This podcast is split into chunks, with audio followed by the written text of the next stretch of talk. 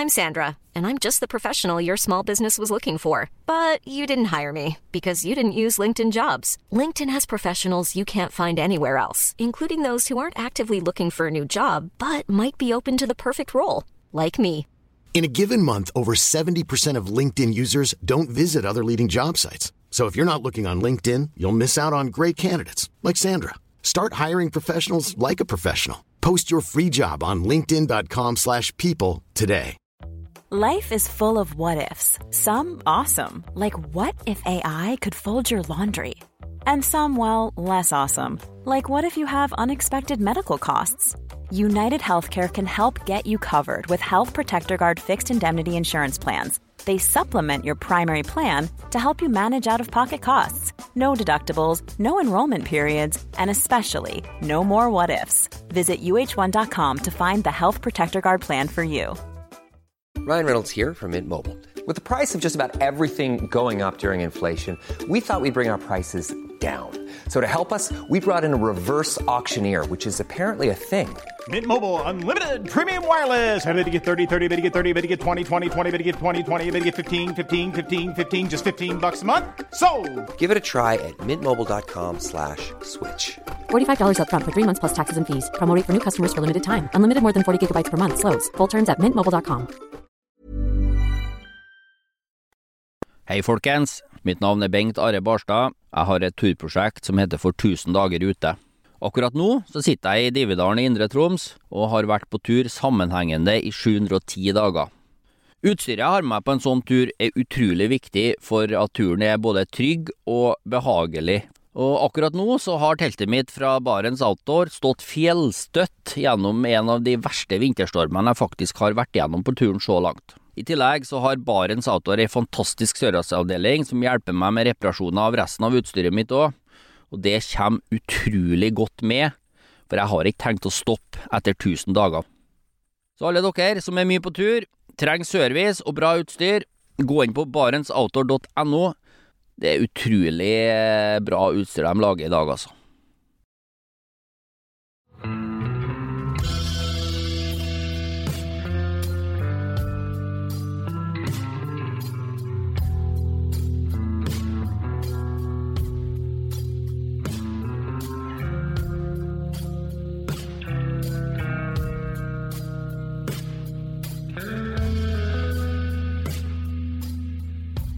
Hei og velkommen til podkasten Uteliv.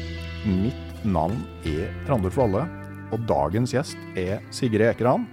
Du er mest kjent som hundekjører, men i dag så er kanskje bonde en riktigere yrkestittel? Ja, det vil jeg tro. Ja, vi sitter her nå i ordentlige ordentlig rustikke omgivelser på gården din og mannen din, eh, Einund ved Folldal, er det riktig å si? Ja, den gården her, da, eller eiendommen, ligger faktisk både i Folldal, Alvdal og Tynset. Så vi har to gårdstun. Den ene gårdstunen ligger i Folldal, og det andre som vi er på nå, som heter Sølve, det ligger i Alvdal. Men det er bare fem kilometer mellom. Så vi er akkurat sånn i knute, knutepunktet. Ja, rett sør for Savalen, hvis, noen, eh, hvis det gjør det klarere for noen. Mm. Eh, Men eh, vi sitter jo her nå dagen etter at Femundløpet blei avgjort. eh, Bare noen få mil unna her, og du var ikke på startstrek. Hvordan føles det? Eh, nei, egentlig, hvis jeg skal være sånn helt ærlig, så føles det godt. Det er litt sånn en tid for alt, og så tror jeg det var veldig sånn rette tida for meg å på en måte legge det litt på hylla når jeg gjorde. Eh, men vi var på Tynset og kikka at de passerte under brua der. Og jeg følger jo litt med, og jeg savner, jeg savner jo hundekjøringa litt, men mest kanskje den daglige Det å liksom kan kjøre mange mil inn i fjellet, ti mil om dagen, og det har liksom store naturopplevelser eh, daglig. Det savner jeg, for jeg føler jo at det er eh, naturopplevelser nå, men de er nærmere gården, da. Ja.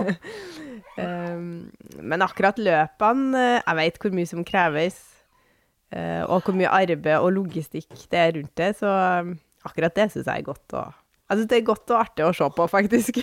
Ja, og jeg tenker på, jeg er jo vokst opp rett over dalen for Kjell Smestad, som drev med hundekjøring veldig lenge. Ja. Og da han ga seg, så var det lokalavisa som var og intervjua han og lurte på om han liksom savna det når han hadde gitt seg.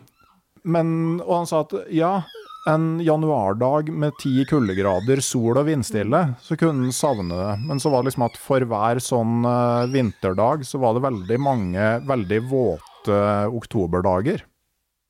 Ja, men eh, jeg, jeg savner faktisk eh, de forskjellige værtypene òg. Jeg, jeg, liker, jeg liker å være ute i rufsevær. Det er faktisk vær å sitte inn og se ut på dårlig vær, enn det å være i det. Og det å kjøre med et uh, godt hundespann og faktisk liksom mestre å være ute i, i dårlig vær, det er en fantastisk uh, følelse. Ja, og det er jo en fordel når du, enten du har få eller mange hunder, så de får deg jo ut på de der mm. dagene hvor man kanskje ellers hadde blitt sittende inne. Absolutt. Det var jo veldig viktig for meg at vi trena på all, all slags uh, værforhold og all slags føre, da. Så vi hører litt bakgrunnslyd, så er det en, kanskje en kommende generasjon hundekjører. Ja, det er lille Liv som ligger her da, og Odin på tre her nede i barnehagen. Ja. Men uh, nå har du åtte hunder.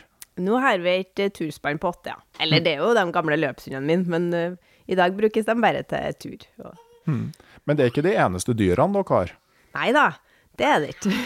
Heldigvis. Vi er veldig glad i dyr, så det er godt å ha litt flere. Em, vi driver jo med skotsk høylandsfe, Ja. så sånn alt i alt med stort og smått, så har vi ca. 100. Oi. Så på sommeren når, vi, når de skal på utmarksbeite, så er det 100 stykker cirka som vi driver til fjells. ja. Og det gjør dere med hest. Det gjør vi med hest og en gjeng til fots. Ja. så det er en stor happening som skjer i, i juni, da. Ja, vi skal komme tilbake til det høylandsfeet, for ser, de ser jo ikke ut som ei NRF-ku. Nei da. Men eh, jeg tenker jo, altså Når du nå Både det du har gjort da som hundekjører, og det at du ender her eh, I hvert fall er her nå, da, som fjellbonde. eh, ser du noe på en måte i oppveksten din som leda deg hit? Ja, jeg er ikke overraska over at jeg endte opp med å være bonde, da, som du sier. Egentlig ikke. Jeg hadde jo, eller har to fantastiske foreldre. Vokste opp på et eh, kjempefint småbruk nede ved Borgenfjorden i Trøndelag, i Sparbu. Eh, Og foreldrene mine hadde ikke noe dyr, dem, og var for så vidt ikke fra noe gård med dyr og sånn, men eh, jeg har bestandig siden jeg var bitte lita vært interessert i dyr. Og fikk lov til å ha både sau og gjesser og hund og kanin og, og hest og ehm, Så det, det er jeg veldig takknemlig for at jeg fikk lov til. Geit tror jeg hadde en stund. òg. Um, så de har vært utrolig flinke til å backe opp under interessene som både jeg og broren min har hatt. da. Fordi om vi har hatt forskjellige interesser, så, så har vi fått lov til å utforske. Ja. Hva du tenker at uh, Hva er det som trekker liksom, hva, det er som, hva er det som gir deg noe med det med kontakten med dyr? Åh, det er vanskelig å si. Jeg tror jo bare noen er litt sånn dyrepersoner, da. Eh, og det tror, har jeg vært hele livet. Altså, jeg har bare vært tiltrukket dyr, da. Og følt at jeg på en måte eh, Ja, høres rart ut, men kommunisert med dem tidlig. Mm. Eh, og dyr har vært viktig for meg hele livet, altså. Mm. Men eh, så har jo på en måte ting eh, fortsatt i den veien. Altså, jeg mener, husker du var på Langedrag en periode? Ja da. Jeg var to år på langdrag. Det var jo Det var jo litt uh, tilfeldig. Jeg søkte bare på en annonse som sto i Bondebladet, tror jeg. Mm. Um, og hadde jo altså to helt uh, flotte år der, i lag med en veldig god gjeng som jobba der, som vi har fortsatt kontakt, så det er artig. Eh, og lærte jo veldig mye da. Mm. Ja, for, kan du fortelle litt om lange drag? Altså, det ble jo lagd en TV-serie fra det var Arne Nævra som lagde det på den tida her. Ja. Det var jo mer som en liten sånn reality-TV-serie, dere. Mm. det var vi jo ikke forberedt på, da. Eh, så vi var absolutt ikke Det var jo bare vi som jobba der, som ble med i den serien, da. Så det, det var lærerikt. Det var vel da jeg skjønte eh, hvor arbeidsomt det er å lage TV, og hvor tung sekk Arne Nævra har gått med når han er ute ut og filme ville dyr i fjellet og så videre. Uh, ikke at det var så mye jobb. Uh, og så mange timer bak å lage noen minutter på TV. Mm. Men samtidig så fikk jeg jo erfaring med mye forskjellige dyr. Både ja, rovdyr og, og husdyr. Ja, for Langedrag er på en måte en sånn slags blanding av en gård og en dyrepark, kan du si det? Ja, nå har det jo utvikla seg mye siden jeg jobba der, da. Men, um, men, det er jo det. Eh, det er jo på en måte en familiepark. Og leirskole var det i hvert fall når jeg jobba der, da. Mm. Uh, med både tamme og, og, ville dyr som er i innhegning, da. Mm. Ja, blant annet ulv. Blant annet ulv, ja. Mm. Så, men er det riktig å si at på en måte sånn er litt sånn veiskille, eller sånn viktig punkt i livet er når du drar til Alaska? Ja, nei, ja, så jeg syns jo hele livet mitt har vært viktig. Det, var viktig for meg å havne på Langedrag, og, og, og så havna jeg på Evenstad, som jeg, ja. der trivdes jeg jo kjempegodt. Og der òg um, har jeg en, en av mine, eller min beste venninne, bor jo i området her. og og vi ble kjent på Evenstad, da. Hva, hva var det du uh, gjorde på Evenstad? Det... Der studerte jeg jo uh, til en bachelor i utmarksforvaltning, da. Så var det egentlig gjennom Evenstad at, uh, at jeg kom meg til Alaska, på en måte. Eller jeg for jo egentlig til Alaska på en kanotur. Mm. det var bare en ferietur. Hei, lille liv. Mm. det var bare en en ferietur med en gjeng. Vi skulle padle John River, og det var helt uh, Altså, det var en sånn åpenbaring for meg å bare forre ut i villmarka der, som hadde jo vært mye på tur i Norge òg, men det blir, alt blir litt større i Alaska, altså. Ja, ganske mye. Og da kjente jeg egentlig med en gang at jeg må jo bare tilbake hit. Mm. Uh, og var innom universitetet i Fairbanks, som er et uh, veldig bra universitet. Uh, og så da jeg kom tilbake til Evenstad, så um, mm, laga vi et utvekslingsprogram da, med, med, universitetet i Fairbanks. Sånn mm. at jeg kunne få dra over og, og gjøre ferdig bacheloren min der. Ja. Uh, og så tok jeg etter hvert en master der og så ble det jo ja, mer og mer hundekjøring som hører til den historien etter hvert, da. Ja, for du ble en sånn slags kontaktperson for det som var Team Norway borte der? Ja, egentlig så jeg ikke kjørt, hadde ikke kjørt noe mye hunder før jeg uh, for til Alaska. Uh, hadde kjørt litt sånn på tur. Hadde, hadde faktisk fire hunder uh, på Evenstad som jeg kjørte fra til skolen med. Men det var ikke noe sånn kjør av løp, og jeg tror ikke jeg visste egentlig hvem Robert Sørli var heller, før jeg traff dem i Alaska, da, eller før jeg liksom ble kjent med det store konkurransemiljøet. Um, så jeg hadde absolutt ingen ambisjoner om hundekjøring når jeg reiste til Alaska. Jeg ville dit for å forå for å liksom bli kjent med den store villmarka, og det var liksom bjørn og ulv og ja, du veit. Eh, men òg for å studere på universitetet, som et veldig bra universitet. Mm. Ja, for det, altså Team Norway, det var Robert Sørli og Kjetil Bakken som bytt, kjørte av Ditterod annethvert år? ja, og Bjørnar Andersen. Ja, Bjørnar tre stykker. Ja, tre stykker, mm. ja. Så de ja. slo sammen kennelene sine og, og satsa sammen på et vis mot, uh, mot Iditarod? Ja, de hadde jo tre, tre kenneler, og så, og så, slo de sammen liksom hundene sånn at én, eller etter hvert to, da, klarte å få over og, og kjøre i ditt råd. Mm. Um, og da studerte jeg på, på, universitetet, og så fikk jeg en mail da om jeg hadde lyst til å, å pakke depot da, til ditt råd. Og det hadde jeg jo. Uh, så jeg sa nå at det var greit, uh, før jeg egentlig visste hvor mye arbeid det var, tror jeg. mm. uh, Og så var det artig, og så kom de, og jeg fikk treffe dem, og så er det jo liksom tre kjernekarer og, og som er utrolig dyktige hundekjørere. Eh, og som er definitivt grunnen til at jeg begynte å kjøre langdistanse. Og, og begynte å liksom få meg egne hunder og drømme om å kjøre i ditt råd, da. Ja, hvordan var liksom den, Når var det det begynte å demre for deg at du hadde lyst til å gjøre noe annet enn å pakke depotsekker, eller noe mer enn det? Ja, nei, det var jo når de spurte om jeg ville fly, bussfly rundt på løypa og oppdatere hjemmesida deres, var det vel da, da. Det var vel ikke så mye sosiale medier ennå. Um, og det hadde jeg jo kjempelyst til, eh, sjølsagt.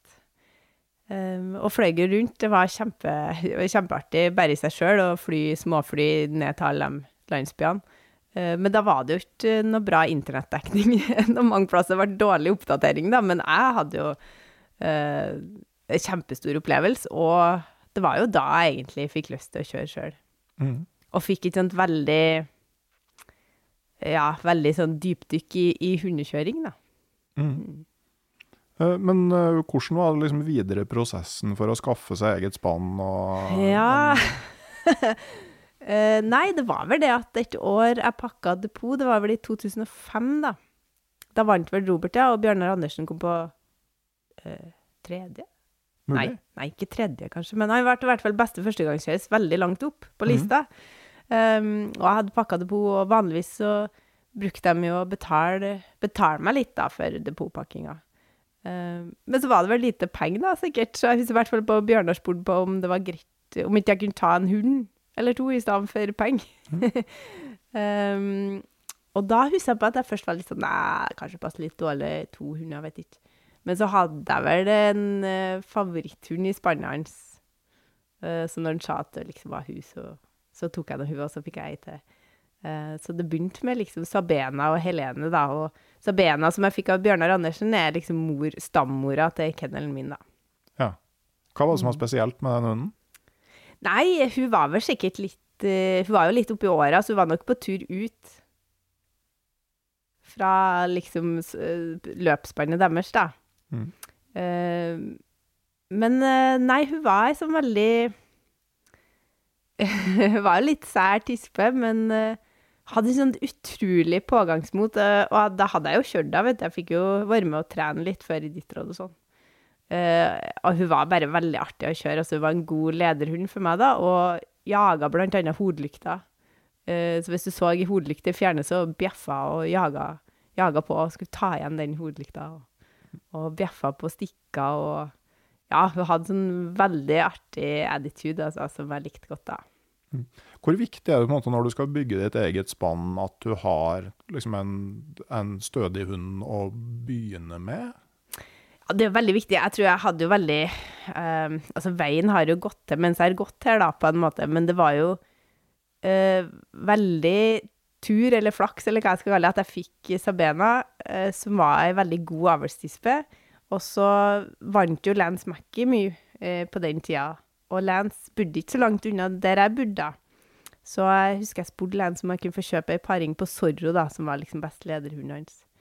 Eh, og fordi jeg var i oppstarten og, og sånn, så fikk jeg kjøpe ei ganske billig pa paring, da, mm. på Zorro. Fordi han var en populær hund å bli para med da, og, og prisen var egentlig ganske høy. Og, mm, jeg hadde ikke så mye penger, så, så jeg er veldig glad for det. Og det var jo starten. Altså det kullet ble starten på, mm. på kennelen min. Mm, og det ble et veldig bra kull, og de har gitt mye bra avkom. Så det er jo um, Da kom jeg jo på rett spor med en gang, da. Ja, og så, og En ting er på en måte genetikken, at den er bra, men jeg tenker på, eh, har ei sånn tispe en sånn slags oppdragerfunksjon for hele kennelen i årene etterpå?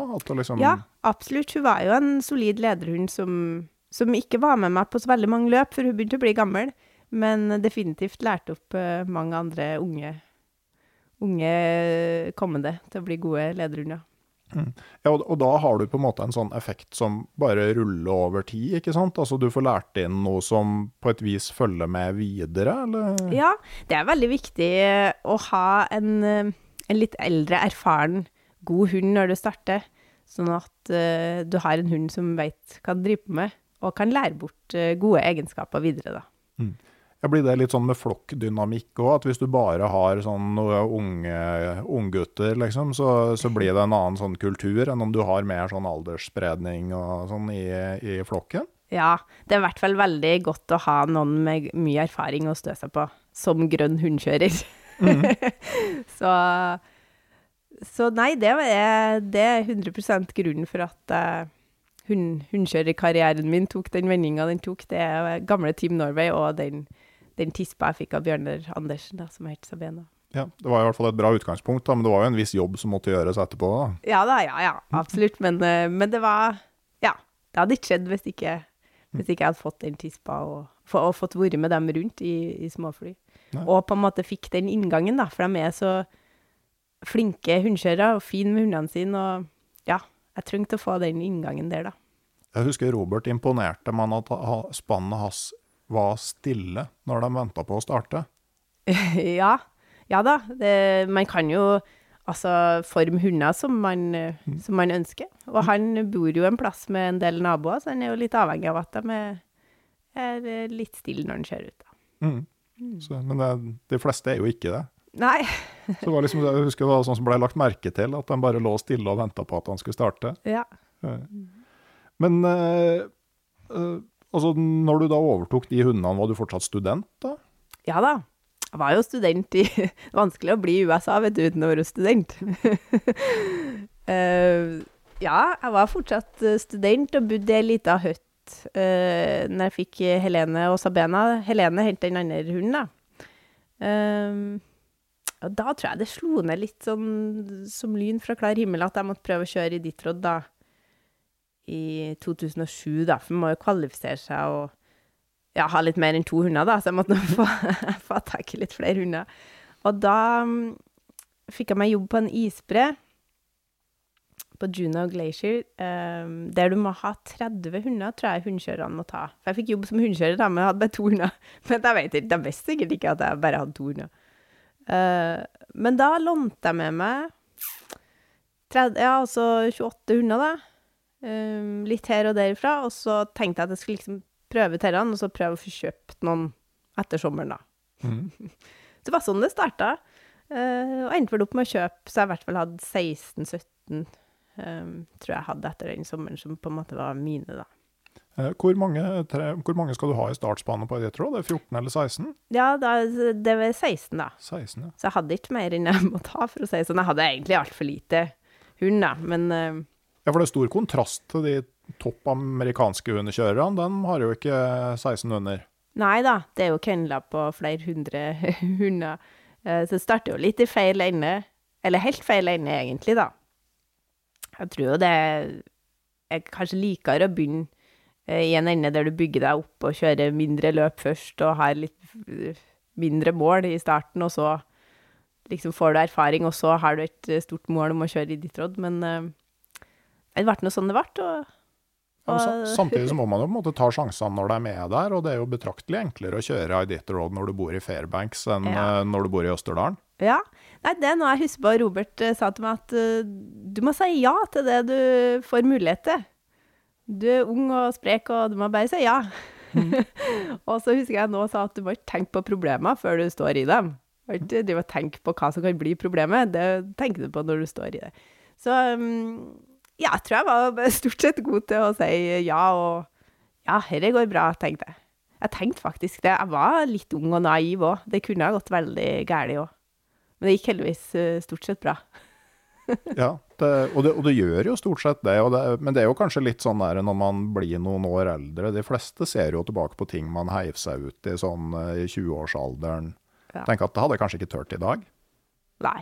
Veldig mye jeg ikke hadde gjort eh, i dag, tror jeg. Men uh, Men når du skulle sette sammen et spann, da, de, finne ut hvem av de 30 du vil ha med videre, altså hvordan tenker du, og hvordan tenker du i dag, liksom, når du skal sette sammen?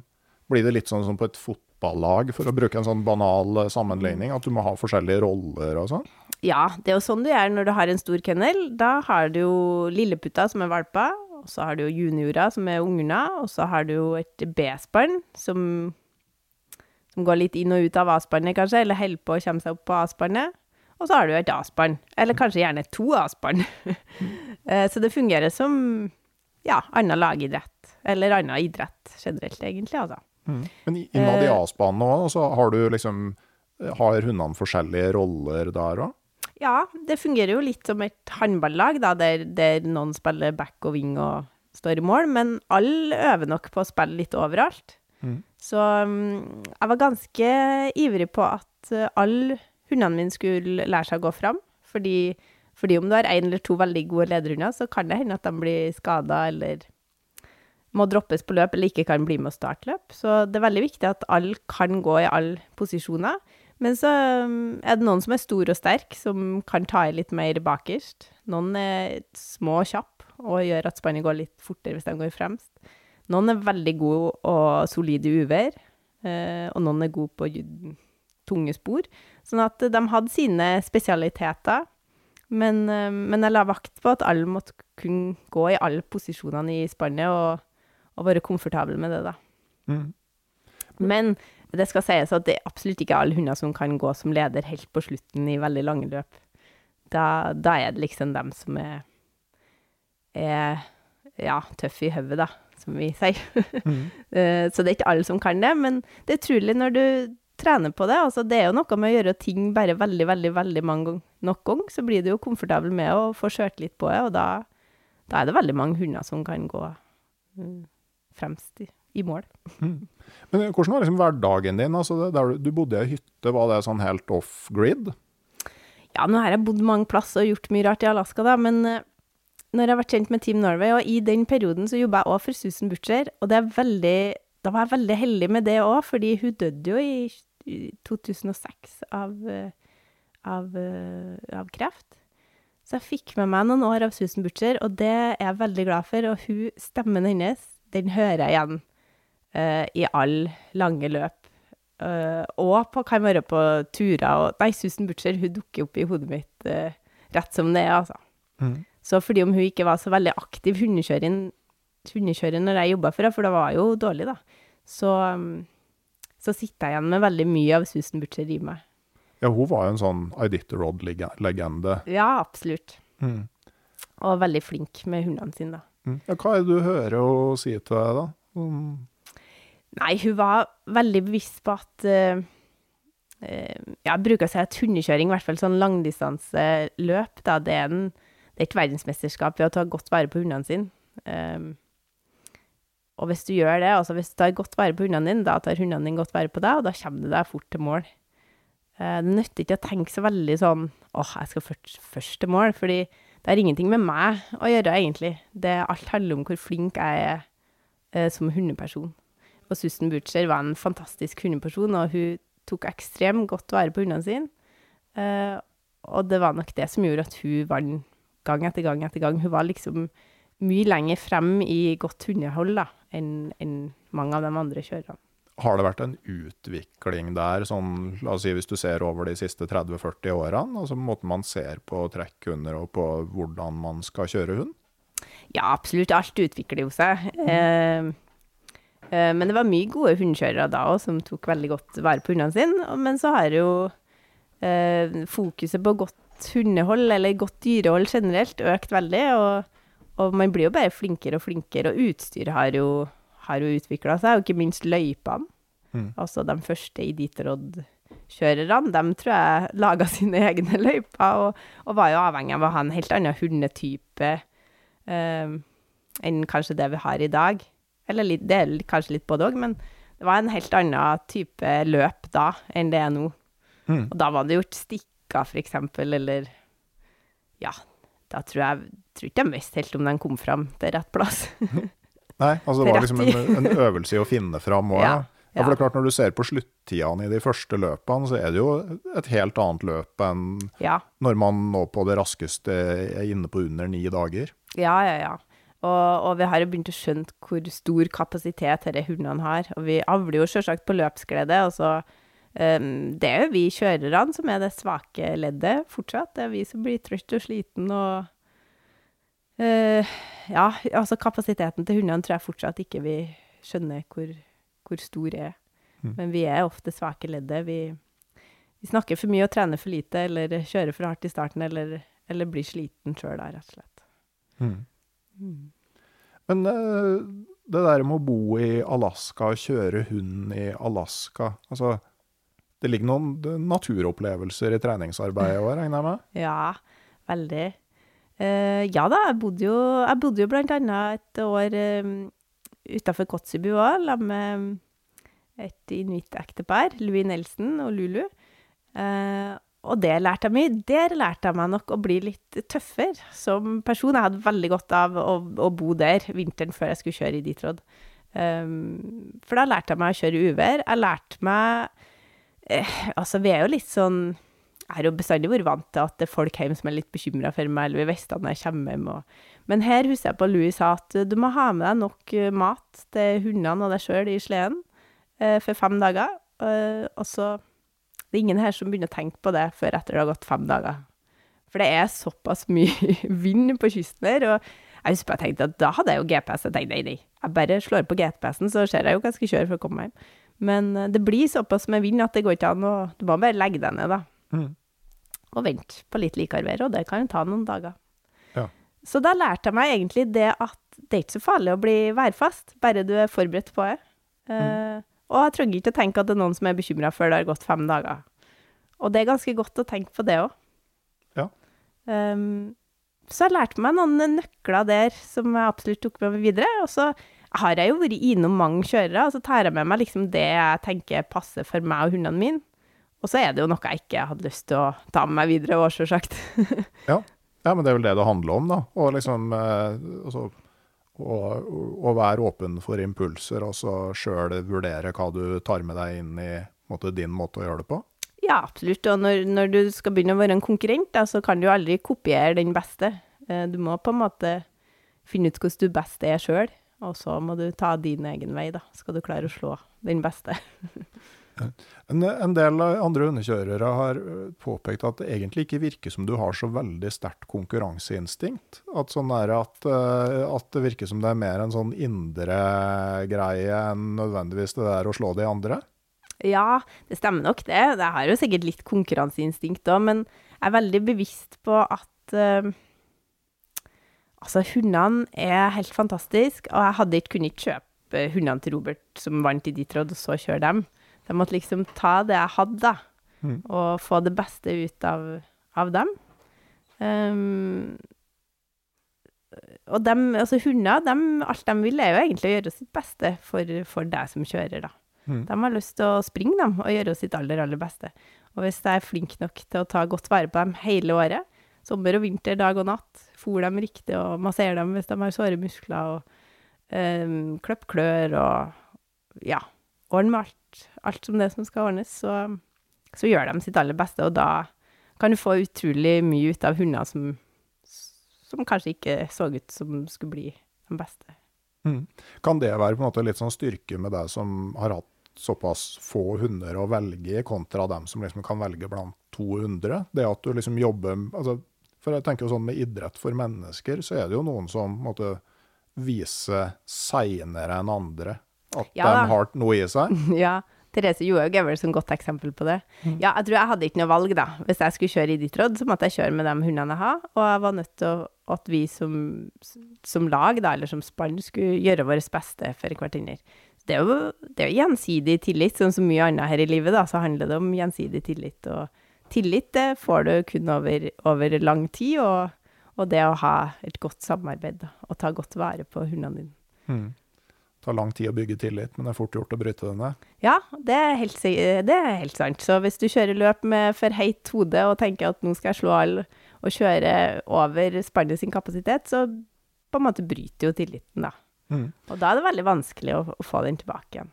Ja, jeg tenker jo det er det å, å ha litt sånn å, å ha litt mer sånn moderat konkurranseinstinkt. Kanskje det rett og slett gjør at du eh, kan, kan det være en fordel at du i mindre grad gjør sånn impulsive ting som viser seg å være dumt, for å henge med i altså når, At du ikke agerer så mye på hva konkurrentene gjør, da, men heller sånn klarer å tenke på hva som er lurt å gjøre i situasjonen? Ja, i hvert fall når Det er noe annet hvis det er kun deg sjøl som skal prestere, men her er det jo et, et spann som skal prestere i lag med deg. Så du er helt avhengig av å kjøre etter spannet ditt sin kapasitet, da. Mm. Så hvis du hvis du ikke har trena på skikkelig uvær, så kan ikke du kjøre ut i skikkelig uvær og forvente at hundene skal klare å, å gjennomføre det. Um, så du må ha trena på absolutt alt, og, og, og være skikkelig forberedt, da. Det er jo det som fører til suksess. Det er veldig lite som handler om, om flaks. Eh, Det handler liksom bare om å være veldig, veldig godt forberedt, og en dyktig hunde, hundeperson. Og glad i å være ute, da, sjølsagt. Mm. Vi skal ta et lite sånn der eh, litterært eh, apropos. Eh, du kan jo se om du kjenner det igjen, da. Men eh, eh, det, er jo, eh, det er jo noen som er ute med hund, og, og det var tispe med løpetid, så det var en del uling utafor teltet. Men så har de lagt seg der og kommenterer at vi var så vant til dette evige bråket at vi ikke undret oss noe større. Da det gikk løs på en frisk denne natten i ulvegjerdet. Søvndrukken lå jeg og lyttet en stund, og overveide om det var grunn til å samle sammen den viljestyrke som trengs for å karre seg ut av en varm sovepose og styrte seg ut en kald vinternatt. Da det plutselig slo meg at det var en egen låt i ulvehy nei, hundehylene. At det var en egen låt i hundehylene denne kvelden. Jo visst. De steg og sank i samlet rytme, for så brått stilne av. Og der kom svaret. Langt ute fra haugene et sted tonte et trist, langtrukkent ulvehyl. Knapt var det dødd hen før hundene var der på nytt med fullt orkester, og slik holdt de det gående, alt mens ulvehylet der utefra ble dristigere i anslaget. Til slutt sovnet jeg til musikken. Men var det fred å få? Brått ble jeg vekket av en hundegneldring så infernalsk at noe rent ekstra måtte være på ferde. I et jump var vi ute av soveposene, grep børsene og speidet omkring oss i den gulbleke stjernenatten. Bare 100 meter borte på elvesletten skimtet vi to grå skygger. Ulvene. Ja. Kjenner du deg igjen? Ja, litt. Jeg har jo eh, både hørt ulver og truffet på noen ulver på, på hundetur. Eh, men aldri hatt noe ubehagelig møte med, med ulv. Og for så vidt ikke med bjørn heller, men jeg har hatt ubehagelige møter med elg. Elgen ja. i Alaska er ganske aggressiv, og den slår Den eh, kan se at du kommer kjørende på hundespann, og så kommer den rett inn i spannet og slår med ja. beina. Så um, jeg har stor respekt for elgen, men eh, ja, jeg, jeg, jeg hørte veldig sjeldent om noen sånne veldig ekle episoder, at folk hadde vært noe og ubehagelige episoder med ulv og, og bjørn. Nei, men jeg tenker mer sånn altså, Det er jo en stor naturopplevelse. Ja, kjempeflott naturopplevelse. Jeg tenker, Det er ulvehylet altså, Jeg tror jo det ligger noe i oss med det. Altså, Jeg har hørt det et par ganger sånn overraskende i Canada. Ja. Jeg merker at det gir jo en sånn umiddelbar Det fryser litt på ryggen. Ja, du får gåsehud. Ja. ja, får gåsehud, men det er jo ikke av redsel akkurat heller. Det er av ja, det er av noe sånn ur... Ja, det er en sånn urreaksjon, ja, ikke sant? Altså, for du vet jo rasjonelt at det her er ikke noe farlig, men samtidig så tenker jeg at det er kanskje et eller annet som ligger i oss eh, fra veldig lenge siden, som gjør at man har en sånn slags ja. reaksjon på det. Mm, sikkert. Og så er det jo sjeldent, det jo sjeldent i Alaska òg. Du skal være ut ganske mye for å se både bjørn og, mm. og ulv. Så mm. det er jo en, en hører til de sjeldne naturopplevelsene. Det her skjedde på, eh, på eh, Øst-Grønland på 1930-tallet. Kan du gjette hvem det er da? Ja, Knut Rasmussen? Nei, det er Helge Ingstad. Helge Ingstad, Ja, det var Helge Ingstad? Øst for den store bre. Øst for den store bre, ja. Mm. Mm. Så beskriver et voldsomt snøhøl på Øst-Grønland. Ja. Sånn bunnløs djupsnø. Mm. Ja, det det kan jeg kjenne meg igjen i, hvert fall. ja. Det er jo tida av året der det er veldig sånn bunnløst i snøen. Ja, I Alaska så er det liksom i skogene så er det mye ja. sånn bunnløs snø? Ja, og i Norge og i Finnmark der det er kaldt, kan det ofte være bunn, altså litt sånn sukker, bunnløs sukkersnø i januar. Tidlig ja. på vinteren, da, når det er kaldt. Mm. Ja, Sånn den delen av Finnmarksløpet som går gjennom Pasvik, f.eks.? Mm. Ja, altså når vi kjører løp, så har vi jo en såle, da. Mm. Men hvis du kjører på tur, så kan det by på utfordringer i januar. Sånn eh, tidlig vinter med veldig kald, kald nysnø, som liksom ikke har borti blitt noe base i, den er jo løs, da. Løs jo og kald, og som å gå i sukker. ja. Så, eh, men uh, trener du, altså når du kjører løp, altså trener du noe mye på å la hundene gå uten spor? Ja, vi kjører en del uspora. Det hender jo at uh, løypa forsvinner. Mm. Uh, men du har jo en såle en plass, og hunder er veldig flinke til å kjenne når de detter utfor sålen, egentlig. Um, men trener mye uspora, særlig sånn etter løpssesongen, da. Men da er det jo fint skarføre. Men det er viktig, i hvert fall viktig at hundene kan gå ut av løypa og i sukkersnø hvis du skal legge deg og da. Så kan ikke du ligge helt oppi løypa, du må utafor. Men det kan altså til tider være veldig vanskelig. Hvis det er en halvmeter sukkersnø, så er det vanskelig å ferdes i, altså. Viktig å ha med seg truga, i hvert fall. ja. Men eh, sånn ellers, da, med sånn eh, altså, Når du var student og du har 16 eh, hunder, og du skal betale for å starte i Editor og, altså, Det er jo sånn ganske Sjøl om du da slipper charterturen over fra Norge, så, mm. så er det jo et ganske sånn stort økonomisk løft. Ja. Altså, altså, hvordan fikk du det til? Nei, det er fordi jeg har fine foreldre som har støtta meg, og de har støtta meg økonomisk òg, altså. Det er jo mm. helt klart. Ellers så var det jo studielån, da. Og, og så jobba jeg jo litt på sommeren, da, på den isbreen, f.eks. Det, det er litt usikker på om jeg egentlig hadde lov til, sånn fra myndighetene sin side i Alaska, men det gikk nå greit. mm. um, Og så er det jo når du gjennomfører i ditt råd, da så er det jo vært sånn rundt topp 20, da, da får du jo litt tilbake i Mm. penger, da. Ja, for det gikk jo veldig bra første året. Ja, bra, bra. Hadde forskjellige utfordringer, men sånn sluttresultatet var jeg veldig fornøyd med. Ja, ja det var en, et utfordrende løp med et bra sluttresultat. Ja, det var veldig utfordrende. Sånn når jeg sto på startstreken i 2007 og, og drev og tok utover linesettet til 16 unna, så kom jeg plutselig på at jeg hadde aldri kjørt 16 unna i eget spann før. Jeg hadde kjørt 16-spannet til Kjetil Bakken en gang når han satt oppi. Men at eh, jeg hadde veldig sjeldent i hvert fall kjørt 16 hunder. Fordi ofte når man trener, så er det kanskje én hund som skal ha litt fri, eller Ja, det er ofte Jeg, jeg tror jeg kjørte ofte 12. Og så rullerte litt, da. Trena jo ofte flere ganger om dagen, så var det noen som kanskje skulle stå en tur. Og... Så det var veldig sjelden jeg kjørte 16 hunder. Og 16 hunder, som er topptrent, det er mye krefter. Ja, jeg tenker at Det er kanskje ikke så stor forskjell, men når man tenker på hvor mye krefter det er i et firespann, og at du får Ja. det på toppen av et tolvspann, da Ja, ja. Eh, ja, så det var første utfordringa, men det er heldigvis flatt i starten på Editrod, da, kjør på elv. Mm. Så du får liksom en snill start, og det var, uh, det var veldig bra for meg i 2007, ja. Mm. uh, men så var det veldig, det var veldig kaldt. Det tror jeg var en, en fordel for min del, som hadde bodd og trent i Kotzebue. Vi var vant til kulde, hadde veldig sånn godt pelsa, hardføre hunder. Men det var et år med, med værutfordringer, da. Det var veldig kaldt og veldig mye vind. Og lite snø. Um, ja, så det var forskjellige utfordringer både med det å, å finne fram, eh, fordi det blåste Jeg husker stikkene tror jeg hadde blisset bort mye. Um, så det, der vil jeg si jeg hadde flaks mye i 2007, at jeg var, fortsatt var på rett spor, da. Det var mange som kjørte feil. Um, men stola blindt på hundene, så jeg hadde sånn utrolig gjensidig tillit til hundene. Eh, og stola liksom 100% på dem. Men da må jeg huske på at jeg for ut i Ditrod med veldig lite erfaring, så jeg hadde ikke mye dårlige erfaringer heller. Og da blir man ganske naiv, da. Da tenker man at det går bra. Um, ja. Så hadde jeg en liten noe som heter Dalsell Gorge, som er en veldig bratt nedtur fra Alaska Range, da, som, som kan være heftig, særlig med lite snø. Og det var veldig heftig, og da husker jeg på at jeg tenkte at herre kan gå veldig galt.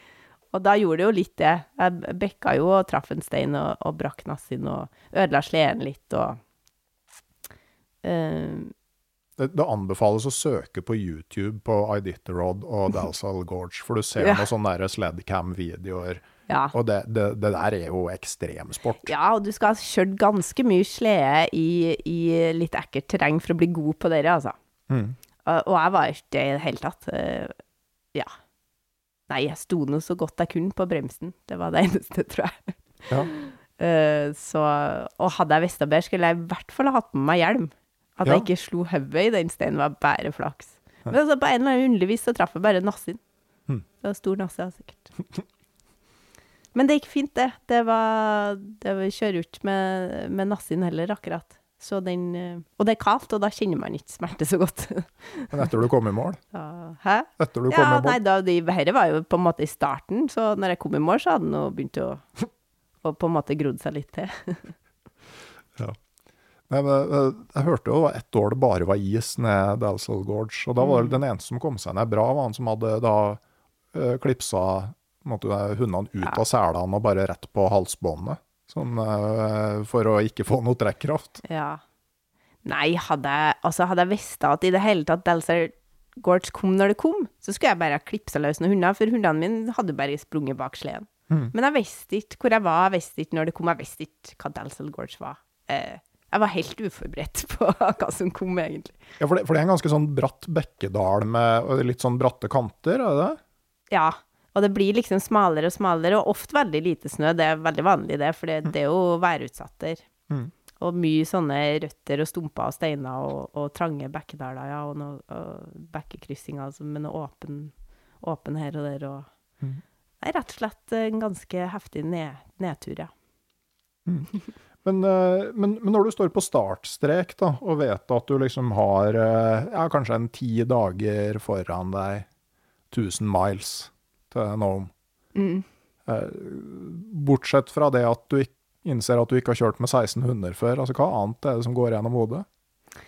Nei, jeg husker på at Robert sa at du må ikke tenke på, du må ikke tenke på at du skal kjøre helt til Nome. Du må tenke på at du skal kjøre til uh, neste sjekkpunkt, eller neste gang du skal hvile på løypa. Du må ta det liksom etappevis. Selv om man hviler kort tid, så må du ikke tenke liksom hele løpet i én sluk, da. Uh, du må ta én etappe av gangen. Mm. Og, og, det gjorde jeg. Mm. Jeg tok én uh, etappe av gangen. Jeg tror aldri jeg tenkte på hvor langt det var. jeg tenkte OK, nå skal jeg dit. Uh, jeg var veldig sånn korttenkt, egentlig, da. Mm. Men får man noe tid til å nyte naturopplevelsen i en sånn setting som under løpet? Ja, faktisk. Altså, noen av de sterkeste naturopplevelsene tror jeg har på sånne lange løp. Fordi det er noe med når du blir litt trøtt og sliten og sulten og, um, og sånn, så får du sterkere opplevelser av en eller annen grunn. Um, jeg vet ikke helt hvorfor, men månen skinner ekstra, og nordlyset kiler mer. og sola, den varmer bedre. Mm. Jeg nesten tenker på sånne der, uh, overgangsritualer for uh, urbefolkning, som jo ofte handler om å uh, ikke spise og mm. være ute uten å sove. og ja. altså, så, så nesten så virker det kan være som en slags parallell. At et eller annet som forsterker en opplevelse. Ja, men ting blir i hvert fall litt forsterka. Mm. Både naturopplevelser og følelser, og du blir godt kjent med deg sjøl, da. Mm. Og hundene dine, ikke minst. Altså kontakten med hundene blir helt Den kontakten du får med hundene når du kjører et sånt løp, det må du nesten bare kjøre et sånt løp for å, å få. Mm. Um, ja, hva det består i sånn Det er vanskelig å forklare, men når, når jeg nå er på utsida av denne hundekjørebobla, så skjønner jeg at folk ikke skjønner hvis, det er jo liksom galskap å legge ned så mye tid i, i hunder og hundekjøring. Og, men, den, eh, men, den, kontakten med hundene, altså, den er helt unik. Uh, og det samarbeidet, det, ja, det er vanskelig å forklare. Det må liksom nesten bare oppleves. Mm. Ja, går det på en måte på at de forstår mer hva du vil, og at du forstår på en måte ja. hvordan de er og sånn? Mm, det føler jo en eller annen plass ute på løypa der at de nesten skjønner hva du tenker. Mm. Og, og, og, at jeg nesten skjønner hva de tenker. ja. ja. Mm. Men hender det du liksom eh, i løpet av hundeløp tenker at hit må jeg tilbake når det ikke er en løpssetting? Uh, ja. Uh, ja da, det har jo skjedd. Det har vært flere plasser når det ikke har vært løp altså. Men det som er helt unikt når det er løp, da, er at du kan kjøre veldig lange strekninger over veldig mange dager Uh, og så når du trener, så blir det jo ofte at du kjører noen av de samme løypene ofte. Mm. Mm. Um, men uh, ja. Ja, For du har liksom lagd et opplegg som gjør at du kan kjøre en skikkelig lang tur? Når du trener? Nei, når, ja. du, har, når du, kjører løp, tenker jeg. Da med, med depoter ja, og sånne ting. Ja, da er det jo liksom det, det basic som er der, da. Med mat og sånn, så er det jo du og hundespannet, og så er jo resten av verden helt avkobla. Mm. Og det er jo da du liksom får kjenne på kontakten mellom deg og hundene, og kjent litt på deg sjøl og naturen og Du må liksom være frakobla alt annet hvis du skal få veldig sånn sterke, sterke opplevelser, da. Mm. Er det annerledes med Iditarod enn med sånn som Finnmarksløpet og Femundløpet? Ja, alle løpene er litt annerledes fra hverandre. Det er jo ingen som er lik, da. Men uh, nå veit ikke helt hvordan det er på Iditarod, men når jeg kjørte, så var det jo ikke noe mobil jeg tror jeg hadde aldri med meg mobil heller. Det var liksom ikke noe mobildekning eller noe eh, kommunikasjon med omverdenen, annet enn det du fikk av andre folk på sjekkpunkt. mm. Eh, det var jo stor forskjell da fra når jeg flytta tilbake til Norge og begynte å kjøre norske løp der du kunne ha handlere og, og se på mobilen og sånn.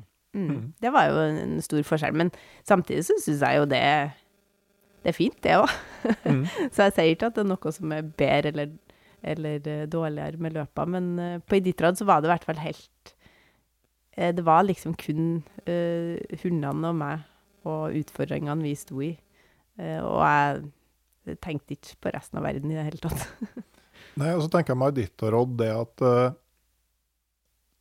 Altså, det må gå gjennom veldig mye sånn ulike naturtyper. Ja, det gjør det jo. Uh, ulike naturtyper og, og, forskjellige landsbyer og, og og døde gull, gullrushlandsbyer, holdt jeg på å si. Men at du liksom har skog, du har fjell, du har det her slettelandene, store elver, kyst. Mm. Det er jo det som er unikt med Iditarod, da. Mm. At du får med deg alt. Både elv og fjell og kyst. Mm. Så det blir en større, større variasjon i omgivelsene enn f.eks. på Femundløpet, som Ja da, det gjør det jo. Det har jo litt med at Alaska er bare mye større enn en Ja. Norge. Altså, du slipper å krysse noen veier, f.eks. Fins jo ikke en eneste vei med bil. Og da, ja, det, det er en eh, Alt er mye større. mm. Og så I tillegg så går jo ditt råd fra A til B i stedet for i en runde. Så at, Ja, eh, mm. Det er klart Hadde Finnmarksløpet fortsatt inn i Russland fra, Ja. fra Øvre Pasvik, i stedet for å dra tilbake igjen til Mm. Ja. Alta, så kunne du jo fått noe Ja, ganske ja. interessant. Jeg var jo med og kjørte en liten tur inn til Russland òg, med det løpet som Ketil Reitan laga. Eller som var en sånn pilotløp, da. Men det ble liksom aldri noe mer av. Men uh, det var jo òg en opplevelse. Ja. ja hvor, eh, hvor var det det gikk hen? Eh, ja, vi kjørte jo fra Pasvik til Murmansk. Å ja. Mm. Hæ. Så det var Kjetil Reitan som sto bak det. Ja, det var det. Mhm. Mm. Hæ. Jepp. Men uh, i, i 2008 uh, så var du med uh, på en ganske interessant tur til på Ellesmere Island i Canada. Ja. Det må du fortelle om. Ja. Eh, ja, det var jo en sånn mulighet man bare må si ja til. Eh, og den muligheten måtte jeg nøste opp litt i noe hvordan det skjedde, da. Men eh, når jeg fortsatt jobba med, med Team Norway og pakka depot, så var det ei, eh, ei som heter Trude Pølson, som jobba i norske ambassaden i Washington, som hadde noen sånn forskjellige prosjekt med nordmenn og, og miljø og klima og sånn. Av en eller annen grunn så var jeg i hvert fall i Alaska i forbindelse med noe Helge Ingstad-opplegg, tror jeg. Eh, og så traff jeg tilfeldigvis, og så sa jeg vel at jeg hadde, en, hadde vel en drøm om å kjøre i Ditterod da, og sa at eh, nei, jeg ville få det på turer og tjo hei. Og så mm, endte vel med at hun sa at ja, ja, du får si ifra da, hvis du skal kjøre i ditt råd en gang, om du trenger noe hjelp eller støtte eller noe. Og så gikk det vel bare et år eller noe, da, så hadde hun fått en mail der, det var liksom Jeg trengte penger. så da hadde ambassaden faktisk De sponsa meg med 500 dollar i 2007. Ja. Um, og så var det jo hun da som hadde kontakt med Will Steger, som jo skulle lage her en ganske stor ekspedisjon, da. Der han ville ha med um, ungdommer fra Nordkalotten, da. Fra forskjellige land. Um, og da var det vel det hun som tipsa om meg. Uh, fordi han ville ha med um, en hundekjører, på en måte, da. Ja, Var det hundekjøring dere drev med på Ellesmere Island? Ja, vi kjørte noen hunder, i hvert fall. Ja. ja, ja da, vi hadde fire spann, så vi kjørte hund. Ja. Ja, Hva slags hunder var det dere hadde med der? Det var sånne eskimohunder, kaltes de da. Det ligna jo kanskje litt på hårete grønlandshunder. Mhm. Eh, og vi kjørte, kjørte i vifteform, så det var en ny type kjøring for meg. Ja. Og med, med en sånn type grønlandsslede, egentlig, da. Mm. Hvordan likte du å kjøre i vifte? Eh, jo, jeg har kjørt i vifte i ettertid òg, da, over Grønland. Um, ja, altså, jeg liker det jo. Jeg liker jo å se forskjellige måter å gjøre ting på. Og de forskjellige måtene har bestandig pluss og minuser. Så eh, jeg liker egentlig å kjøre i vifteform. Det er artig. Og da har du jo som oftest veldig, veldig veldig tunge sleder, så du får jo litt mer kraft i vifteform. Men uh, vifteform kan du jo kun kjøre i, i flatt terreng, da. Det er vanskelig å kjøre ned Dalsall Gorge i vifte. det går ikke. Men jeg vet, eh, det er vel Roald Amundsen du har bilde av på veggen her, med hundene sine, stemmer det? Ja, det er en av hundekjørerne, i hvert fall. Ja, det er fra den ekspedisjonen. Og kennelen din heter jo Fram. Ja. Eh, og, og Ellesmere Island, det var jo da den Otto Sverdrup sine Otto. Sverdrup, den Ja. andre Fram-ekspedisjonen, stemmer det? Ja, det Første mener jeg var kanskje. Nansen over Polhavet. Ja, så var det kanskje andre, ja. Sånn at, Det er mulig, eh, det må sjekke opp litt. Ja. Nei, men jeg er relativt sikker på det. Altså Ja. den tredje framferd var til Sørpolen. Tredje og mm. siste. Ja. Stemmer nok Eh, det. Sikkert Mm. noen som korrigerer oss hvis det her var Mm, feil. Hvis det er feil, ja. Eh, men eh, var det noe på en måte du tenkte på med den Ellesmere Island-ekspedisjonen? Altså det med Sverdrup? Ellesmere Island-ekspedisjonen var sånn Jeg tenkte ikke så mye på den, fordi jeg skulle kjøre i Ditterod, og så ble jeg liksom flyget rett fra Nome rett til Elsmer. Hm. Så det var når jeg hadde passert målstreken, så uh, var det en som, uh, som jobba til meg, som het Mark, som skulle ta med hundene mine opp på isbreen og jobbe resten av året der, da. Og så fløy jo jeg liksom rett til Elsmer Island og skulle ut på ekspedisjon, da. Um, og jeg husker på at Will så på meg og så sa han Oi, du kommer jo rett fra en egen ekspedisjon. Jeg hadde jo frostskader i kinnene og gått Man går ned litt kilo i løpet av Iditarod. Um, så han uh, var vel litt spent. Men um, Og så var- bar vi av gårde. Men det var egentlig godt, for jeg var så, jeg var så godt innkjørt i det at jeg følte meg helt hjemme med en gang. Og så hadde jeg jo nesten aldri Jeg hadde vel så vidt truffet de andre ungdommene som eh, var med på turen. Uh, men det var akkurat som jeg kjente dem i mange år. Så det var, så, det var akkurat som å være en brikke i et puslespill der det passer liksom perfekt. Så det må jo være litt behagelig da, med en så stor ekspedisjon. Og liksom, jeg vet ikke om, Hvis du da bare kan ta fly til start og bli med, så, Ja, så er Altså det litt sånn urettferdig, fordi en ekspedisjon eh, krever vanvittig mye logistikk i forkant, som jo Will hadde gjort mesteparten av, da. Mm. Med å få inn penger, blant annet. Samarbeidspartnere, og ikke minst liksom å finne ut hvilket utstyr vi skulle ha. Hunder, så videre, da. Um, og jeg tror jo at når du skal være med på en såpass lang tur, så er det en fordel å være med på hele, hele greia. Nå ble jo jeg litt sånn plassert rett på startstreken, holdt jeg på å si, uten å ha gjort så mye forarbeid, da. Det må jo være lov å si Eh. at det å kjøre Iditarod må være kvalifisere som ja, forberedelse når man skal ut og kjøre hund. Da. Ja, Det, ja, det var vel på en måte forarbeidet mitt der, da. Mm. Så um, Men i hvert fall Will Steger hadde jo gjort en, eh, en stor, eh, stor jobb før vi kom inn, da. Mm. Hvordan er naturen på Ellesmere Island?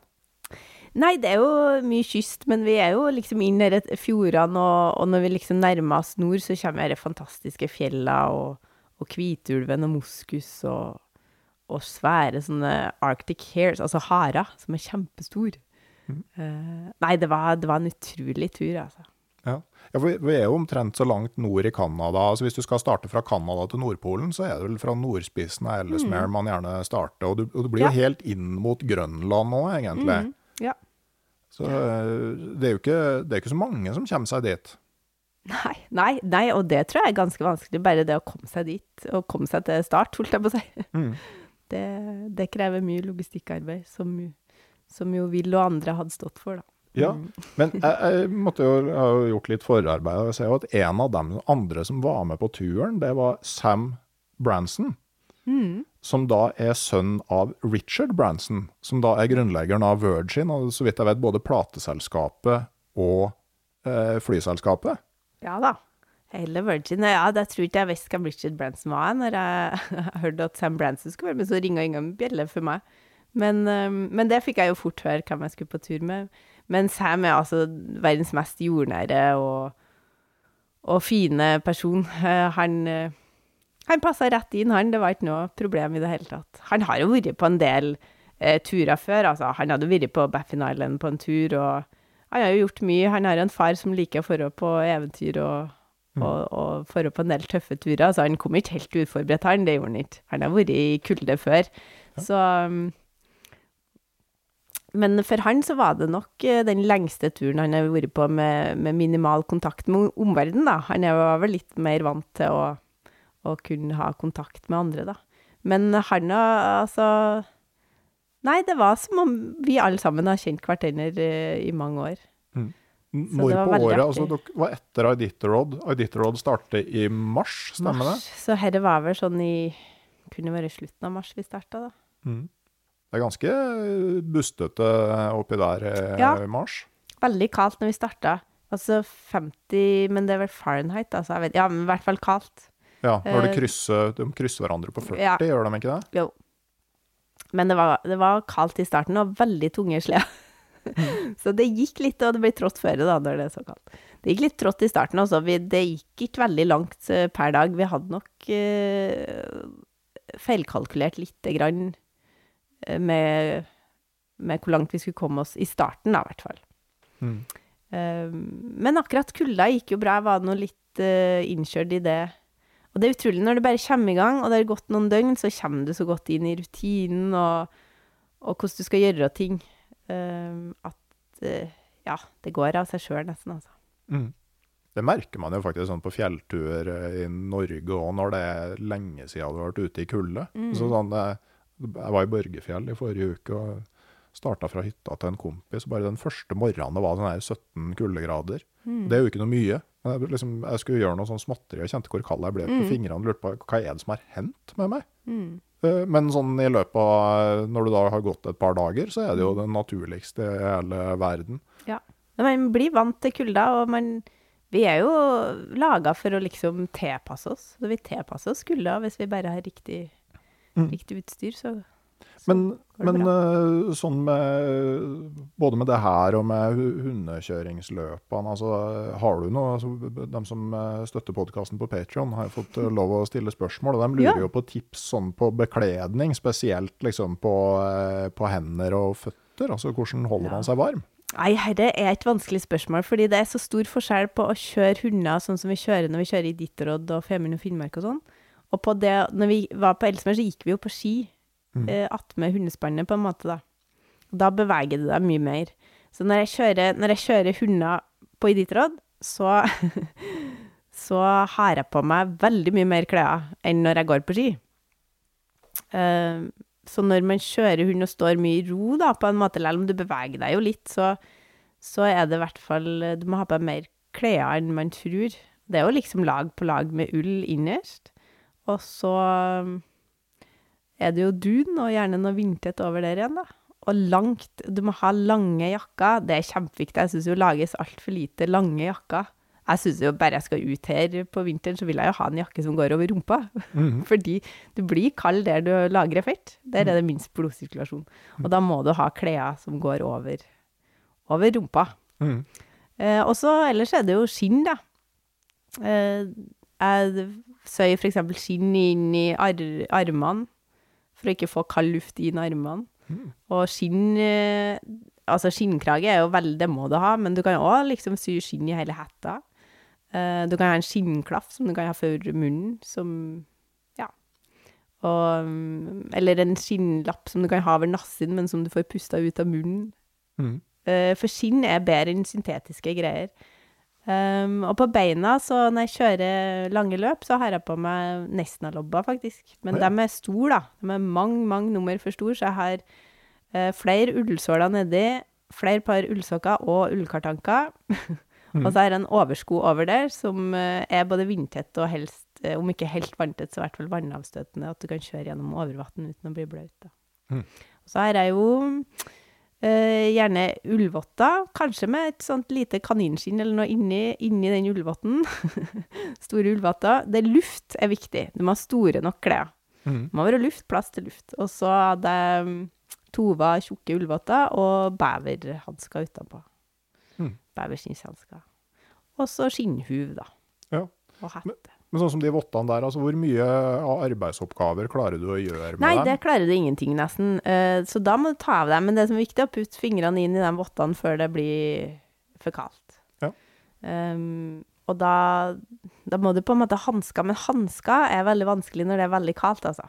Mm. Uh, så jeg har vært litt dårlig på å bruke hansker. Det får jeg en, for jeg får fort uh, har litt sånn frostskader på hendene, men ikke det at de blir så fort kalde, men jeg får fort sår.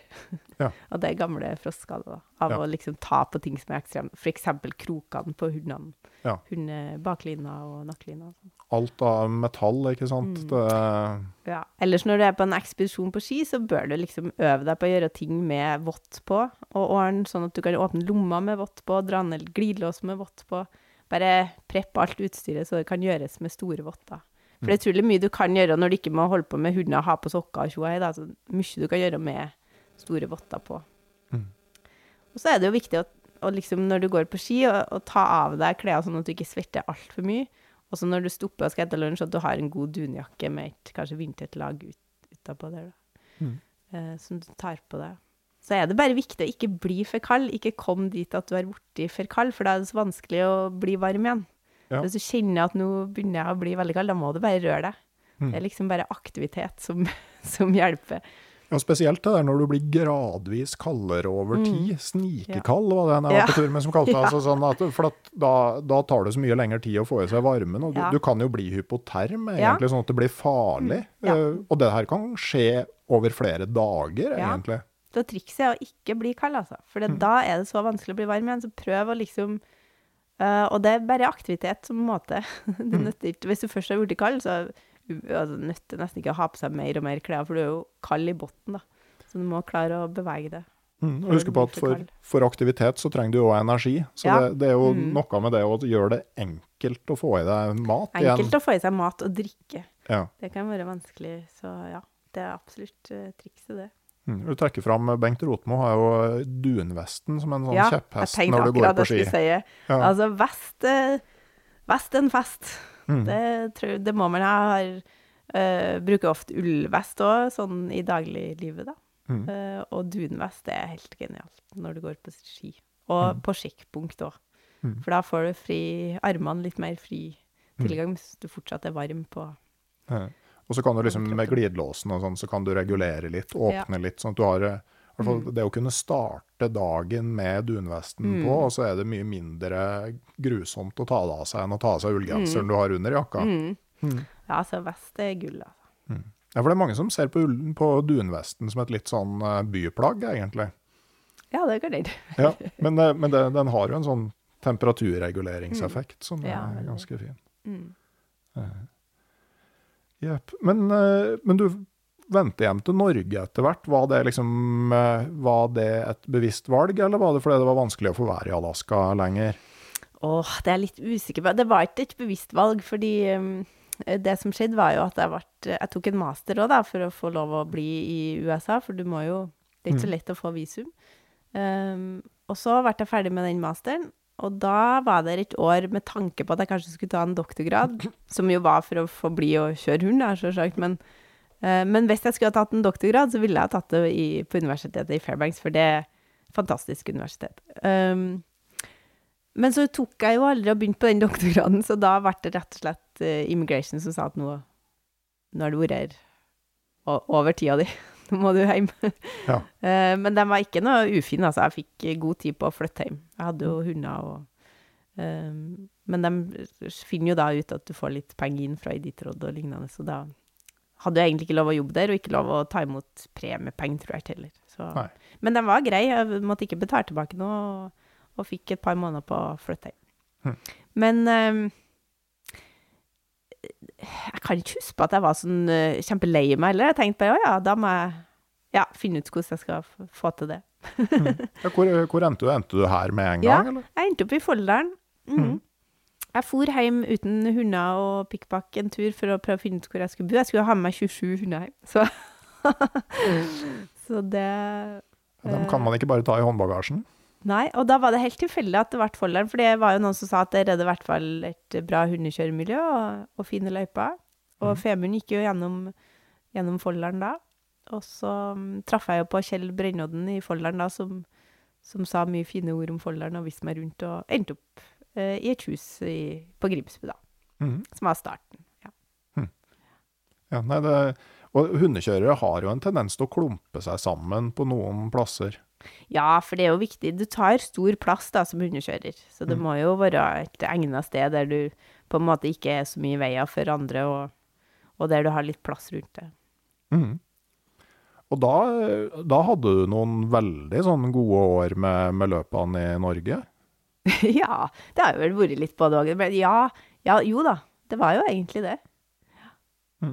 Ja, for du, du vant Femundløpet i 2010 og Finnmarksløpet i 14 og 15.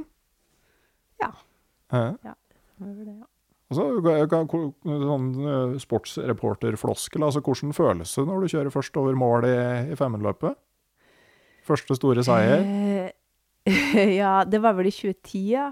Mm. Og da husker ikke jeg helt hvordan liksom innspurten var. Men det var nå i hvert fall ett år jeg konkurrerte veldig med Robert. Vi hadde så veldig jevne spann. Og vi prøvde å stikke fra hverandre, men det gikk ikke liksom, det gikk samme farta begge to. Og det var tre minutter, det var vel i 2011 da, kanskje, når det var første VM. Det var tre minutter mellom oss i mål. Ja. Eh, men det er jo, det er jo artig, da. Det er jo kjempeartig når du kan ligge sånn og, og knive. Jeg tror hundene òg syns det var artig. Ja. Hvordan var det for Robert, da? At den, der, den som hadde pakka depotene hans og starta helt på scratch, plutselig kom og yppa seg? Nei, jeg veit ikke helt, men jeg, tror, jeg håper jo og tror at han var litt eh, stolt over eh, eh, For det var jo mye på grunn av han, så Mm. Så det var jo bare det at jeg hadde sugd til meg veldig mye lærdom fra han, egentlig, da. Ja. Ja. Da du gjorde det såpass bra i den perioden, altså hvor mye hadde den tida i Alaska å si for, for det at det gikk så bra når du kom tilbake til Norge?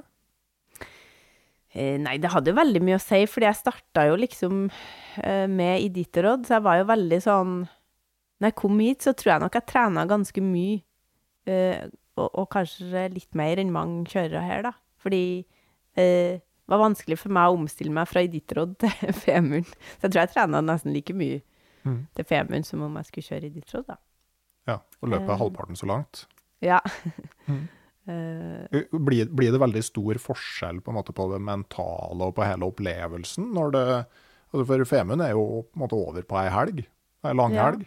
Men jeg gjorde flere bommerter både på Femund og Finnmark, for det var helt nye løp for meg. Mens mm. altså, mange her hadde kjørt dem i mange, mange, mange år og var veldig godt kjent med løpene. Ja, ja, hva er det som blir de store forskjellene? Eh, nei, for, taktikken er jo forskjellen, da. Mm. Eh, hvordan du skal legge opp løpet. da. Mm. Ja. Som jo blir ganske forskjellig fra Iditarod, da. Som har litt sånn andre Det er mye mer ressurser i Norge, da, med handlere og du kan skifte klær og bobiler. Det gjør ikke noe om du blir svett eller blaut eller Du har litt andre prioriteringer. Du kan f.eks. begynne å se litt mer på vekt på utstyr enn mm.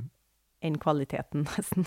Fordi Ja, ja, hvor, det blir ikke sånn overlevelses... Du kan fortsatt bli tatt i en storm på Femund så du må være forberedt på å ligge i fjellet eh, et døgn. Men, eh, men jeg har mye lettere slede når jeg kjører Femund enn i de trodde. Hva, hva syns du på en måte om det at det der eh, sånn ekspedisjonspreget, for å kalle det, blir litt mindre, og at støtten utenfra blir, blir større? Altså, hva tenker du om det? Nei, alt har sin sjarm. Jeg syns det var veldig artig å kjøre eh, Finnmark det, det året vi hadde med bobil. Broren til Erlend hadde bobil, og han ble med og kjørte opp, og, og Erlend var handler, og noen kompiser av Erlend og broren min. Og, altså, det var så stemning å komme inn i den bobilen. bobilen. Det var jo fantastisk. Så det er, har sin sjarm, det. Og det blir jo en helt annen sånn stemning på sjekkpunkt, da, med handlere og folk og uh, Så det er jo en egen bit, men som òg er veldig artig. Er det mye folk langs løypa sånn innpå fjellet i Finnmark? Nei, uh, ikke veldig mye, men uh, du treffer noen. Ja. Det, Det er jo litt mer scooterkjøring. Ja. Vi lå litt innafor skogene våre et år, og så så på det artig, og det anbefales, da. Og, Ja. Jeg tror det var Nina Skramstad som snak- snakka på, på et av de løpene at uh, det var liksom en som sto og ropte om hun ville ha vaffel. Ja. Og så var liksom, det var bestillinga, og så 300 meter lenger fram så sto serveringa. ja, ja, ja, ja. Det er lurt å legge opp en sånn, vet du, for da slipper du å stoppe. Ja. Så det blir litt, litt mer, eh, litt mer eh, eh, kontakt, da. Men, eh, men eh, jeg prata med Garva hundekjører, som sier at eh, i 2015, da du kom inn til siste sjekkpunkt på Jotka Og det vanlige der er å kjøre tvert igjennom. Ja. Og så tok du en stopp, og så gikk du innom og tok en kaffekopp. Det er flere som har beskrevet det som det vakreste øyeblikket i Finnmarksløpets historie. Ja, ehm, jeg hadde et veldig solid spann i 2015, og da hadde jeg kjørt Finnmark noen år òg, så du har en del erfaringer på, på baken. Uh, men jeg har aldri hatt noe sånn mål om å kjøre uh, fortest mulig fra til bare. Målet mitt er hele tida å egentlig prøve å kjøre sånn at jeg kan få mest mulig på kvi- uh, hvile på hundene, at vi kan ha mest mulig energi hele veien. Altså, jeg ville liksom, målet mitt det var å fullføre Finnmark og se ut som Marit Bjørgen liksom over startstreken. Altså, noen ganger når hun ble intervjua rett etter, så hun var ikke andpusten engang. Du bare ser at det fortsatt er halv tank. Eh, og det var liksom målet mitt. Jeg skal ha et sånt løp før jeg er ferdig med karrieren. Om jeg da vinner eller ikke, spiller ikke så stor rolle, men å få til det, det, det var liksom målet mitt i, i flere år, da. Og i 2015 så fikk jeg det til. Jeg fikk til å kjøre med veldig jevn og bra hvile, hadde veldig jevn og fin fart hele veien, og hadde da muligheten til å stoppe på siste sjekkpunkt, for det var, var, var et stykke bak til neste konkurrent, og da hadde jeg lyst til å stoppe, at turnene fikk litt hvile og en enda bedre tur inn til mål, da. Mm, Men jeg tenker mange ville kanskje vært redd for av, sånn, å få hundene i gang igjen, da? Nei, jeg var ikke noe redd for det, fordi vi hadde halv tank. Altså, det var fortsatt halv tank igjen, så det var, noe, var aldri noe fare for at de ikke kom til å springe ut fra det sjekkpunktet der. Hjelper det da at du har eh, hunder i spannet som har gått løpet før og helt sikkert vet Ja. at det nærmer seg slutten? Mm, erfaring er bestandig gull verdt, altså. Mm. Det å kjøre et løp mange ganger, det, det gjør at du blir bedre og bedre for hver gang. Du, hver gang du kjører, så finner du ut litt, litt mer hva du skal gjøre annerledes neste gang. Men du merker, merker du på hundene at de kjenner seg igjen på Ja. og skjønner når de nærmer seg sjekkpunkt og sånn? Ja, ja, og de kjenner seg igjen i fjellet og løypa og mm. Er det sånn at hvis løypa er lagt om litt, så kan du merke på dem at de liksom blir usikre? Ja, hvis, det, hvis du kommer til et kryss og løypa før har gått til venstre, og nå skal til høyre, og du har kjørt der to-tre år før, så vil de prøve å gå til venstre. Mm. Mm. Ja, for en hører jo sånne historier om gamle pelsjegere og sånn, hvor, Mm. eh, hvor eh, lederhunden finner igjen liksom et sted man hadde leir ute på tundraen to år tidligere. Mm. Ja, ja, ja. Og når jeg kjører i fjellet her, så, så leder Hvis jeg kjører med GPS, da, men det ikke er noe spor, så går hunden i akkurat samme løypa som i fjor. Fordi om ikke løypa er der. Ja, snodig. de altså, eh, at de de, har, ja. har vi noen idé om hva det er de navigerer etter? Nei. Det er vel De har jo mye sterkere sanse, sanseinntrykk enn det vi har, da, både på lukt og Og sikkert det å kjenne igjen seg, da, på en måte. I, i både beina og synet og nassen, ørene. Ja. Ja, for det er jo sånn med, med flere dyr. Jeg, jeg driver og leser Moby Dick akkurat nå. Mm. Det jo, eh, jeg var ikke klar over at det var en sånn Jeg trodde det var litt sånn uh, gutteromsbok, men det er jo en sånn monumental roman. Eh, Men der snakker de om spermhvalen, eh, som, som da, ifølge i hvert fall kunnskapen mitt på 1800-tallet, hvor boka, boka er skrevet, da, som når den liksom vandra mellom de forskjellige sånn eh, foringsområdene, så trakk den innafor så smale kanaler at det liksom bare var en kilometer eller to da, når den kryssa, eh, kryssa sjøen. Den liksom kom på akkurat samme kanalen hvert eneste år. Så, eh, jeg vet ikke om det er reelt, men nei, nei, jeg vet jo heller fugler, eksempel, som trekker Nei, der er det sikkert noe forskning som jeg ikke vet om, som det går an å lese seg til. Men ja, de er i hvert fall på flinkere enn oss folk til å finne fram. Ja, Men det er jo mye sånn vi ikke vet. da. Laksen òg, for den saks skyld, da, med de lange vandringene. Mm. Altså, sånn, Ja. eh, Hvordan i all verden klarer de det? Ja. Nei da, det, noe skal vi ikke vite heller. Nei, det, det er jo for så vidt. Altså, da forsvinner jo, forsvinner jo litt av magien i det Ja. du vet alt. Ja. Det, var, det var en fisker jeg snakka med som mente at liksom, lakseforskerne forska på, på hvordan laksen fant tilbake til elva. Han mente de heller burde forske på hvorfor den tok flua. Ja. Men jeg tenker, det vil man jo egentlig ikke vite. Nei. Nei, sant. Da blir jo magien borte. Mm. Men, eh, men du gjorde òg en tur til til Alaska. Kjørte Iditarod i 2016. Mm. Hvordan var det å kjøre det med base i Norge? Eh, nei, det er annerledes, da. Det, det, det er jo vanskeligere, men eh, det, jeg skal ikke skylde på det, for både Robert og Thomas Werner har vunnet i ditt råd når de har reist over fra Norge. Men eh, det gjør jo tingen mer komplisert, og at du får et litt mer sånn stressa forløp til løpet, da. Det gjør det jo. Men det er jo en artig utfordring, det òg, for så vidt, altså. Men i 2016 så starta jeg jo egentlig med eh, med liksom bedre ambisjoner enn jeg noen gang eh, har hatt, da. Men eh, allikevel så gikk det sånn midt på treet. Men, men jeg var fornøyd òg.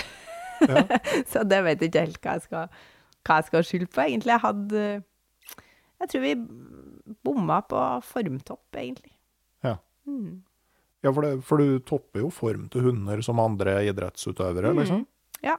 det var litt eh, Vi skal ikke si at man er uheldig med ting, eller, men fikk litt sånn Ja, det var veldig lite snø en plass, så tror jeg det kom litt sånn fin sand i sokkene, så fikk litt sånn gnagsår på noen poter. Fikk litt sånn småtteri.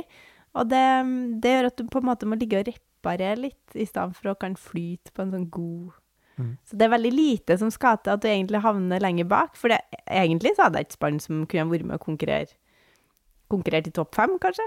Men, mm. men fordi vi fikk litt sånn små problemer, så ja, så klarte ikke vi det, da. Og da, om jeg kom på 17. eller 23., spilte ikke så stor ledelse, så da kunne jeg liksom heller ja. slappe av litt med å tenke på at jeg skulle være i topp fem, i hvert fall. Det ble for mye sånn reparasjonstilfeller. Mm. Ja. Er det litt sånn betegnende for et sånt løp at altså, små ting blir store? At det, du begynner med noe lite, og så det liksom, tar du det over på en annen vei, og så blir resultatet helt annerledes? Ja. Du kan ikke vinne på flaks, men du kan ha litt utur og havne litt lenger brak enn enn enn det du hadde spann for, da. Mm. Um, så ting skal jo liksom gå litt din vei for at du skal vinne, da. Sånn som det gjorde for meg i 2015, og 2014 for så vidt, da, på Finnmark. Mm. Da hadde ikke jeg noen store Jeg hadde liksom ikke noen store uhell eller utfordringer eller, eller noe sjukdom eller ja. Mm. Så det er det at du må flyte på den gode hele veien. Eh, Men når var det du bestemte deg for å gi deg med, med løpskjøringa? Nei, det var nå egentlig ikke før jeg ble uh, gravid med sønnen vår, da. Som mm. skjedde litt sånn overraskende. Mm. Så eh, Så da var jeg jo egentlig pakka og klar og skulle til Finnmark og, og trodde jeg hadde omgangssjuka.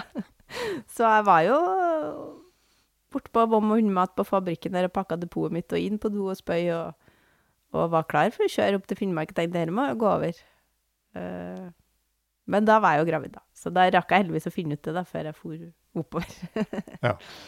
Så mm, Og da, da var ikke jeg så veldig Jeg kjørte for så vidt Femund, ja, når, i, for to år siden, er det det? Men jeg, da hadde, har jeg aldri hatt noen sånne ambisjoner etter det. Da var jeg liksom uh, ferdig og veldig sånn godt fornøyd med hundekjørerkarrieren. Jeg har vært heldig og fått opplevd kjempemye og, og kjent at nei, nå er tida for å, å ha fokus på andre ting litt. Ja. ja, handler det litt om at altså, når du ikke kan ha fullt fokus på det i hermetegn, så, så er det like greit å, å bryte av som å måtte gjøre det mer halvveis, da? Nei, jeg måtte ta det litt gradvis, da, for jeg kjørte jo Femund for to år siden. Og da var jo han sønnen min ett år. Uh, men da trena jeg jo mine lite sjøl, og ja. Uh, så det måtte, jeg måtte ta det litt sånn gradvis. Det måtte jeg. Men nå er jeg liksom ikke i tvil om at Jeg kunne aldri tenkt meg å satse på, på toppnivå akkurat nå, nei. Nei. Det er litt sånn alt til sin tid, og nå, eh, nå er jeg veldig i denne småbarnsfasen og nyter, nyter det. Mm. Og gårdbruker. Og gårdbruker, ja. Nyter det òg. Ja, ja for når var det du flytta opp hit til, til Einum? Um, jeg begynte å leie oppå Sølve her, da, som det heter her vi bor, i 2010, tror jeg. Mm. Mm. Og så, det er jo to gårdstund, da, så han som eh, eide, han bodde jo da, eller og bor fortsatt, nede på Einabu, da. Så kaller vi hele eiendommen for Einum. Mm. Så da leide jeg her, og så flytta jo etter hvert Erlend inn.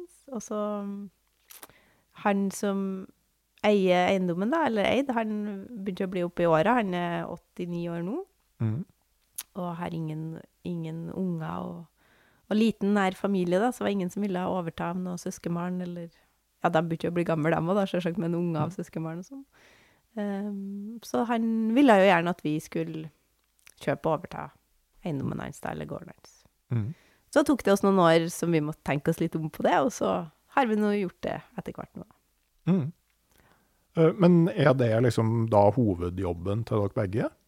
Ja, Erlend jobber fulltid på gården, og jeg jobber 50% fast som, som fjelloppsyn for fjell, Folldal fjellstyre i tillegg, da. Jeg tenker at Når du fant, eh, fant Erlend, da, som er både tømrer og har erfaring med kvegdrift, er det nesten litt sånn parodisk at man kan ja. eh, Det passa jo relativt greit, da. Ja, flaks med den. Ja. Ja da. ja, nei, det hadde jo ikke Jeg hadde nok ikke overtatt her hvis det ikke var for Erlend. Det hadde ikke. Så, Men, men så da, det er det, bra. Da er det primært skotsk høylandsfe dere driver med? Mm, vi overtok jo besetninga òg, da. Mm. Til gamle eieren. Mm. Så det, det Herre gården har jo flere bein å stå på, da. Det er jo, det er jo um, kjøttfe, og så er det utmark, som jo er jakt og fiske. Og så er det skog, da. Mm. Mm. Så, men eh, du kan jo begynne med fe. da, altså, eh, Jeg har lest litt grann av det dere skriver, og, og skotsk høylandsfe. Man aner at det kan være på en, måte, en etterkommere etter kveget som vikingene hadde med til Storbritannia. Ja. Ja. Så det er noe litt artig. Men vi er avhengig av å drive med et type fe som kan være i fjellet. De Mm. går i fjellet i fire måneder. Um, og det er fire mil å gå inn. Så for, for oss, og, og det var jo det som var besetningen her òg, men tanken til den gamle eieren òg var jo det at her må det drives med litt hardføre dyr som, som er flinke å gå i fjellet, og flinke beitere i fjellet, da. Mm. Men de er jo eh, små, i, små i størrelse og, og ja, veldig seintvoksende, da, i forhold til store kjøttferaser. Ja. Men handler det noe om måte, hva altså, Går de stort sett bare på naturfôr her, eller? Ja, de går jo i fjellet og eter jo det mest naturlige de kan finne der. Og så ellers så eter de vårt eget produserte gras, da. Mm. Mm. I form av høy og rundball. Og det her er, er kjøttfe, altså dere mjølker ikke?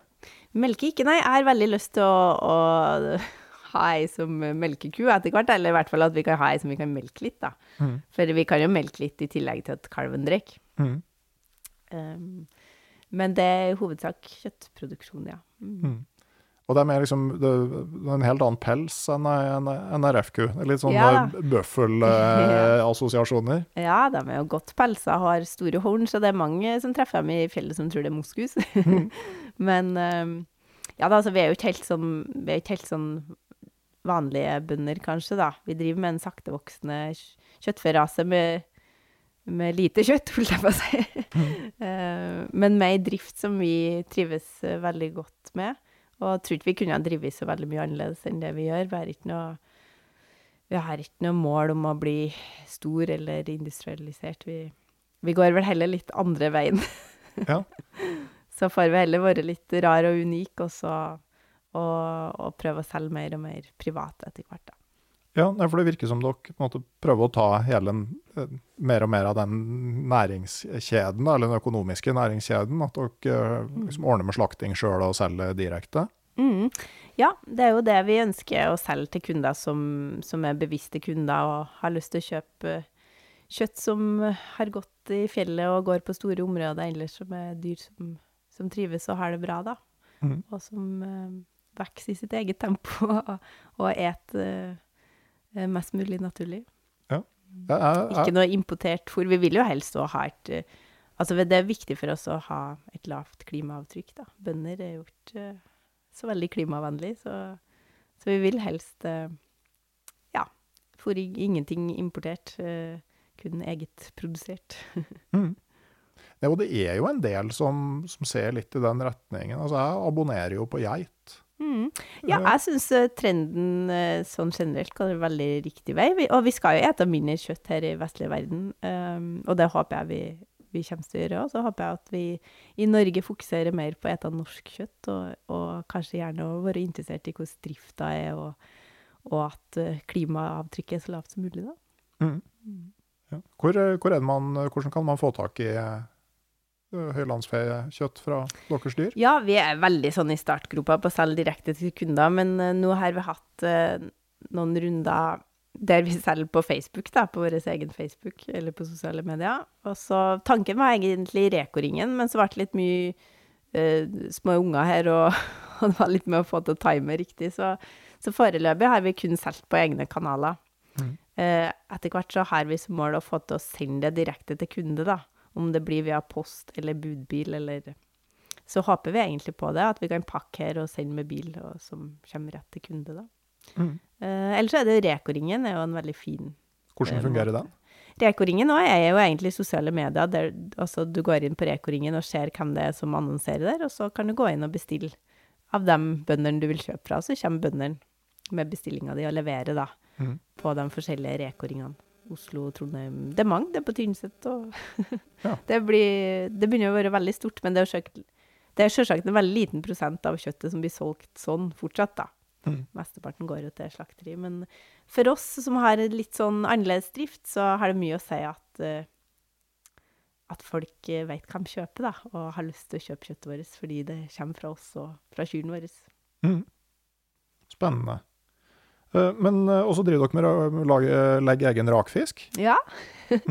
det er, vi har jo to fiskevann i fjellet som er veldig produktivt på ørret. Så vi selger frossen ferskfisk òg.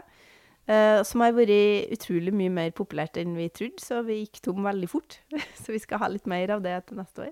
Mm. Og så legger vi jo litt rakfisk, ja. Mm. Mm.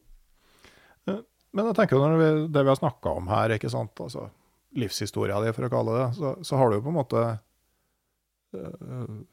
Liksom Friheten har vært stor på et vis. Uh, også nå, nå er du mer over i bondelivet, som jo liksom er veldig styrt av årshjul, og ting skjer lokalt her. Mm. Hvordan Altså, har det vært en overgang, eller altså, er det hva, hva, Hvordan er det mm. Nei, ja, jeg veit ikke. Jeg har jo bestandig drevet med dyr, så jeg har jo eh, alltid eh, Altså, du kan ikke bare reise bort når du vil, på en måte, når du har dyr, da. Da må du planlegge litt, og du må ha folk til å passe på, eller Mm. avløser, eller ja.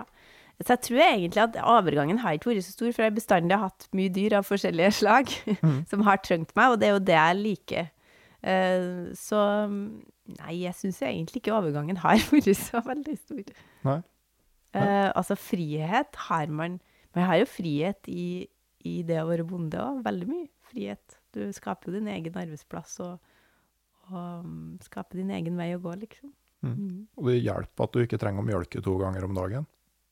Ja da, men altså, vi fôrer to ganger Altså, det krever mye tid uansett. Ja. Men eh, vi har jo litt sånn Det er jo livsstilen vår, da, så hobby og jobb går hånd i hånd. Ja, for jeg ser jo det med skogsdrifta og sånn. Altså, dere har jo hester, og du la ut på, eh, på noen sosiale medier her at eh, det ble hesten som ble med i, i skogen. Tar litt lengre tid enn med traktor, men hesten skal uansett brukes, så ja.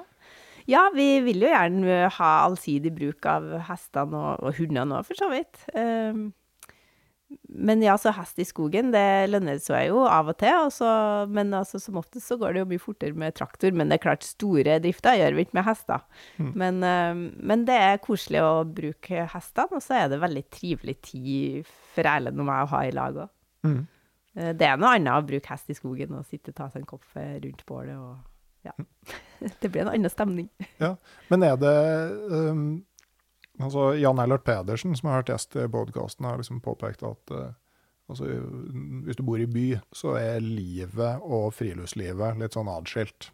Uh, du lever liv i byen, og så drar du bort for å leve friluftslivet. Altså, sånn, når man bor sånn som dere gjør, blir det mer sånn at det ikke er så lett å se hvor det ene begynner og det andre slutter, liksom?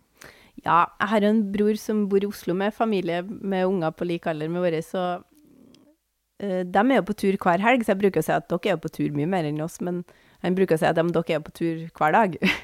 så det blir jo litt sånn, ja, at uh, det er jo en livsstil, og vi, vi bor jo ute i naturen, men det er jo sjelden vi kanskje reiser bort på tur, da, på en måte. Mm. Men uh, nei, vi trives veldig godt med den livsstilen vi har, så Mm. så er det jo noe med at i dag skal ting gå så fort hele tida. Man skal bruke minst mulig tid på det meste, egentlig, da. Men um, vi har vel en slags sånn filosofi om at tid er kvalitet, da. Både når du produserer ting og lager ting. Og ja, ting som tar tid, blir det ofte kvalitet på, da. Mm. Og det er jo noe med en erkjennelse at hvis du trives med det du gjør, så er det jo ikke så farlig om du bruker er tid på det. det. er ikke så farlig å bruke litt mer tid, vet du. Nei. Mm. Eh, Sånn bekjennelse fra min del. Altså, dere har jo eh, fe gående ute fire måneder i året. Mm. Jeg er bare sånn medium glad i å treffe storfe når jeg er på tur. Enig. ja, jeg er òg det. Altså, selv hvis jeg går på tur med hund. Men jeg er ikke så Vår kjøttfe er jeg ikke så redd for, da. Men jeg er litt skeptisk jeg, på annet kjøttfe. Og særlig hvis de er inn, inni beitet deres. Hvis de er inni her og krysser liksom et beite og ut på andre sida og sånn. Så skal man jo Man skal ha respekt for alle dyr, egentlig. Mm.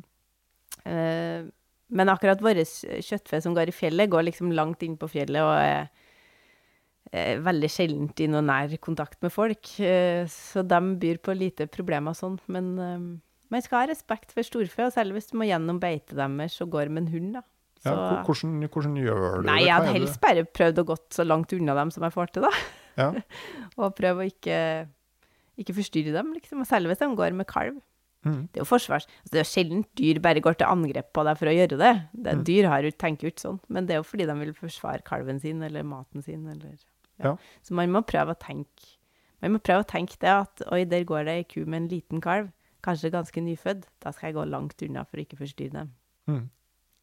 Ja, altså, men de gangene de, de har jo en sånn lei tendens til å legge seg omtrent rett foran grinda, eller midt, midt på stien. Altså, går du en omvei inn i skogen rundt, da, eller? Ja.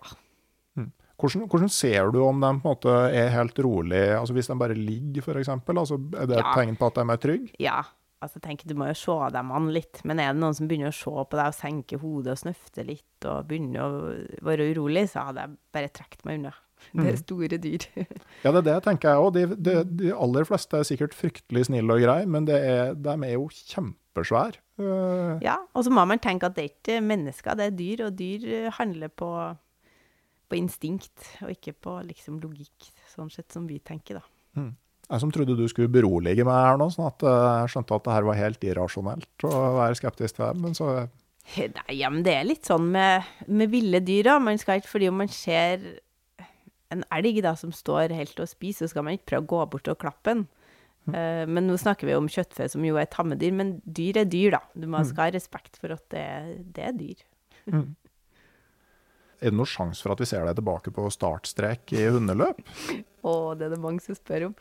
Jeg tør ikke. Jeg skal aldri si aldri, for det har jeg aldri lyst til. Men og jeg skal ikke se bort fra altså, Femund går jo rett i nabolaget her, og jeg har en sånn litt sånn forkjærlighet for Femund. Um, jeg skal aldri si at jeg ikke står på startstreken din og løper igjen, men det blir i så fall ei stund til. Uh, og jeg ser vel heller en sånn Hvis ungene mine har lyst til å kjøre rundt, skal de få lov til det, og hvis ikke, så er det helt greit. Men uh, jeg skal gjerne være med dem og, og serve og handle og og bistå. Jeg gleder meg mer til det hvis det skjer. Ja. Men de skal òg få slippe å kjøre hund hvis de ikke er interessert. ja, for det er jo ingen tvil om at unger fra hundekjørerfamilier har et visst forsprang når det gjelder å starte sin egen eh, hundekjørerkarriere. ja, men det er ganske få som egentlig har starta en hundekjørerkarriere òg.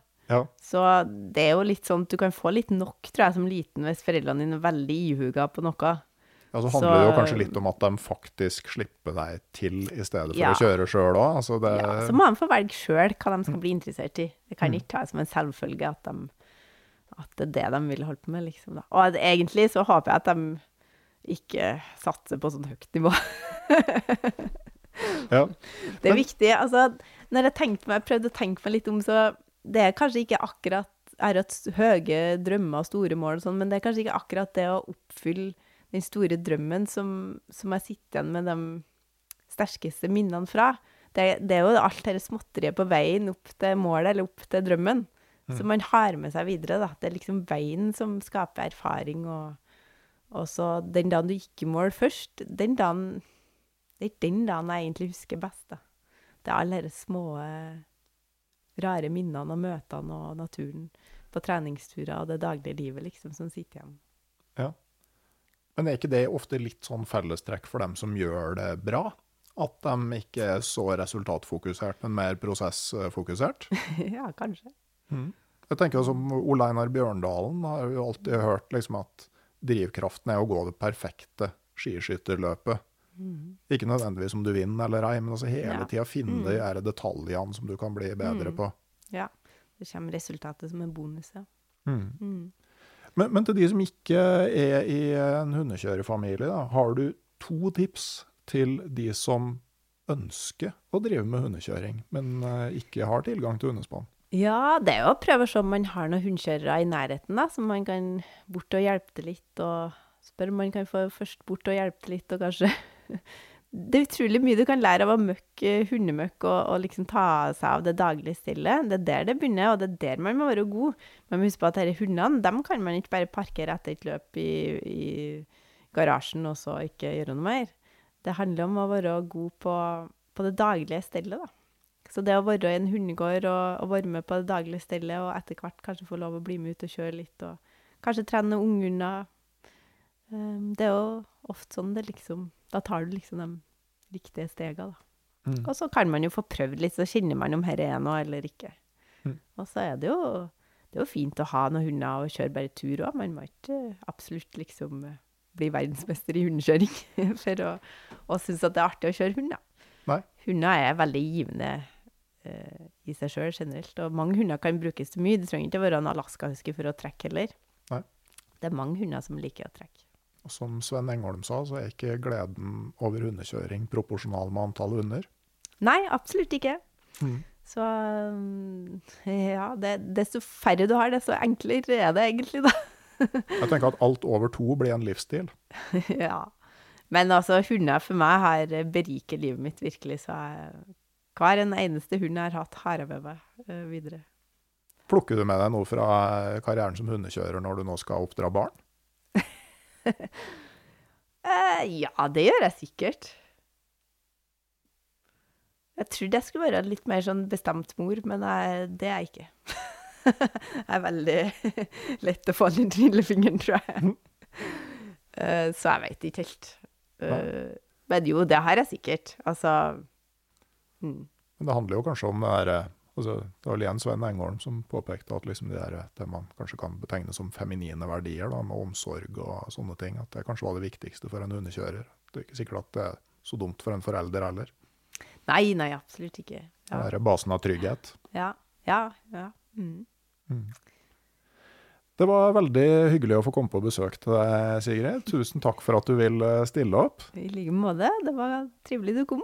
ja, det var veldig artig å være innom her. Håper det går an å få kanskje komme tilbake og være med å flytte de kyrne ja, til fjells en gang. Det må du bli med på. Mm -hmm. Jeg skal nå helt til slutt rette en takk til dere som er med i det digitale turlaget rundt podkasten Uteliv på Patrion. Dere er viktige for produksjonen av podkasten, og det er plass til flere. Patroner, som det nå visstnok heter på norsk. Uh, og dere får med muligheten til å påvirke temaet til episoder, og hva slags spørsmål som skal stilles, som f.eks. til den episoden her. Dessuten får dere tilgang til eksklusive episoder av podkasten. Skal jeg òg nevne at nå har jeg lansert en ny nettside som bruker Patrion som innlogging.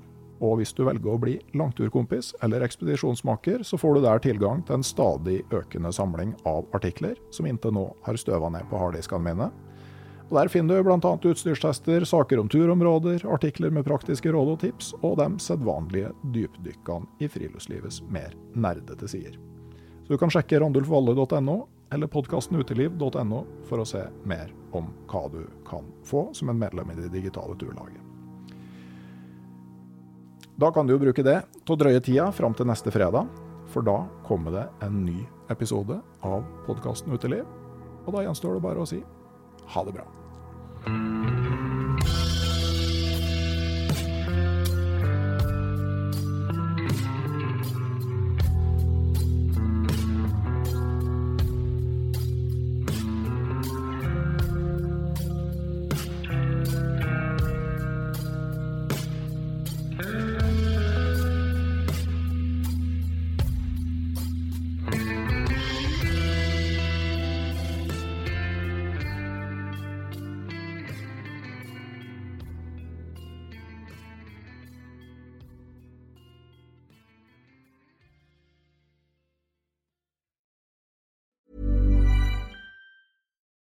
Deserves the best, and there's no better place to shop for Mother's Day than Whole Foods Market. They're your destination for unbeatable savings, from premium gifts to show-stopping flowers and irresistible desserts. Start by saving 33% with Prime on all body care and candles. Then get a 15-stem bunch of tulips for just $9.99 each with Prime. Round out Mom's menu with festive rosé, irresistible berry chantilly cake, and more special treats. Come celebrate Mother's Day at Whole Foods Market. Even on a budget, quality is non-negotiable. That's why Quince is the place to score high-end essentials at 50 to 80% less than similar brands. Get your hands on buttery soft cashmere sweaters from just 60 bucks, Italian leather jackets, and so much more. And the best part about Quince, they exclusively partner with factories committed to safe, ethical, and responsible manufacturing. Elevate your style without the elevated price tag with Quince. Go to quince.com slash upgrade for free shipping and 365-day returns. Mom deserves the best, and there's no better place to shop for Mother's Day than Whole Foods Market. They're your destination for unbeatable savings, from premium gifts to show-stopping flowers and irresistible desserts. Start by saving 33% with Prime on all body care and candles. Then get a 15-stem bunch of tulips for just $9.99 each with Prime. Round out Mom's menu with festive rosé, irresistible berry chantilly cake, and more special treats. Come celebrate Mother's Day at Whole Foods Market. Hei, jeg heter Nore Helligsen og er daglig leder i Barents Outdoor. Det beste vi kan gjøre for planeten, er å redusere forbruket vårt og få mer ut av det utstyret vi allerede har. Men vi vet av erfaring at bruken av telt kan endre seg over tid. Det teltet du kjøpte for to år siden, passer kanskje ikke det behovet du har i dag. Derfor har vi i Barents etablert en egen panteordning der vi tar imot brukte telt av god kvalitet i innbytte når du kjøper et nytt av oss. Prosessen er enkel. På barentsoutdoor.no gir det oss informasjon om teltet du vil bytte inn. Basert på det får du et tilbud fra oss som gir deg rabatt på ditt neste Barentsprodukt. Mer info og betingelser finner du på barentsoutdoor.no. Og husk at den første reparasjonen på produkter fra Barents er alltid gratis.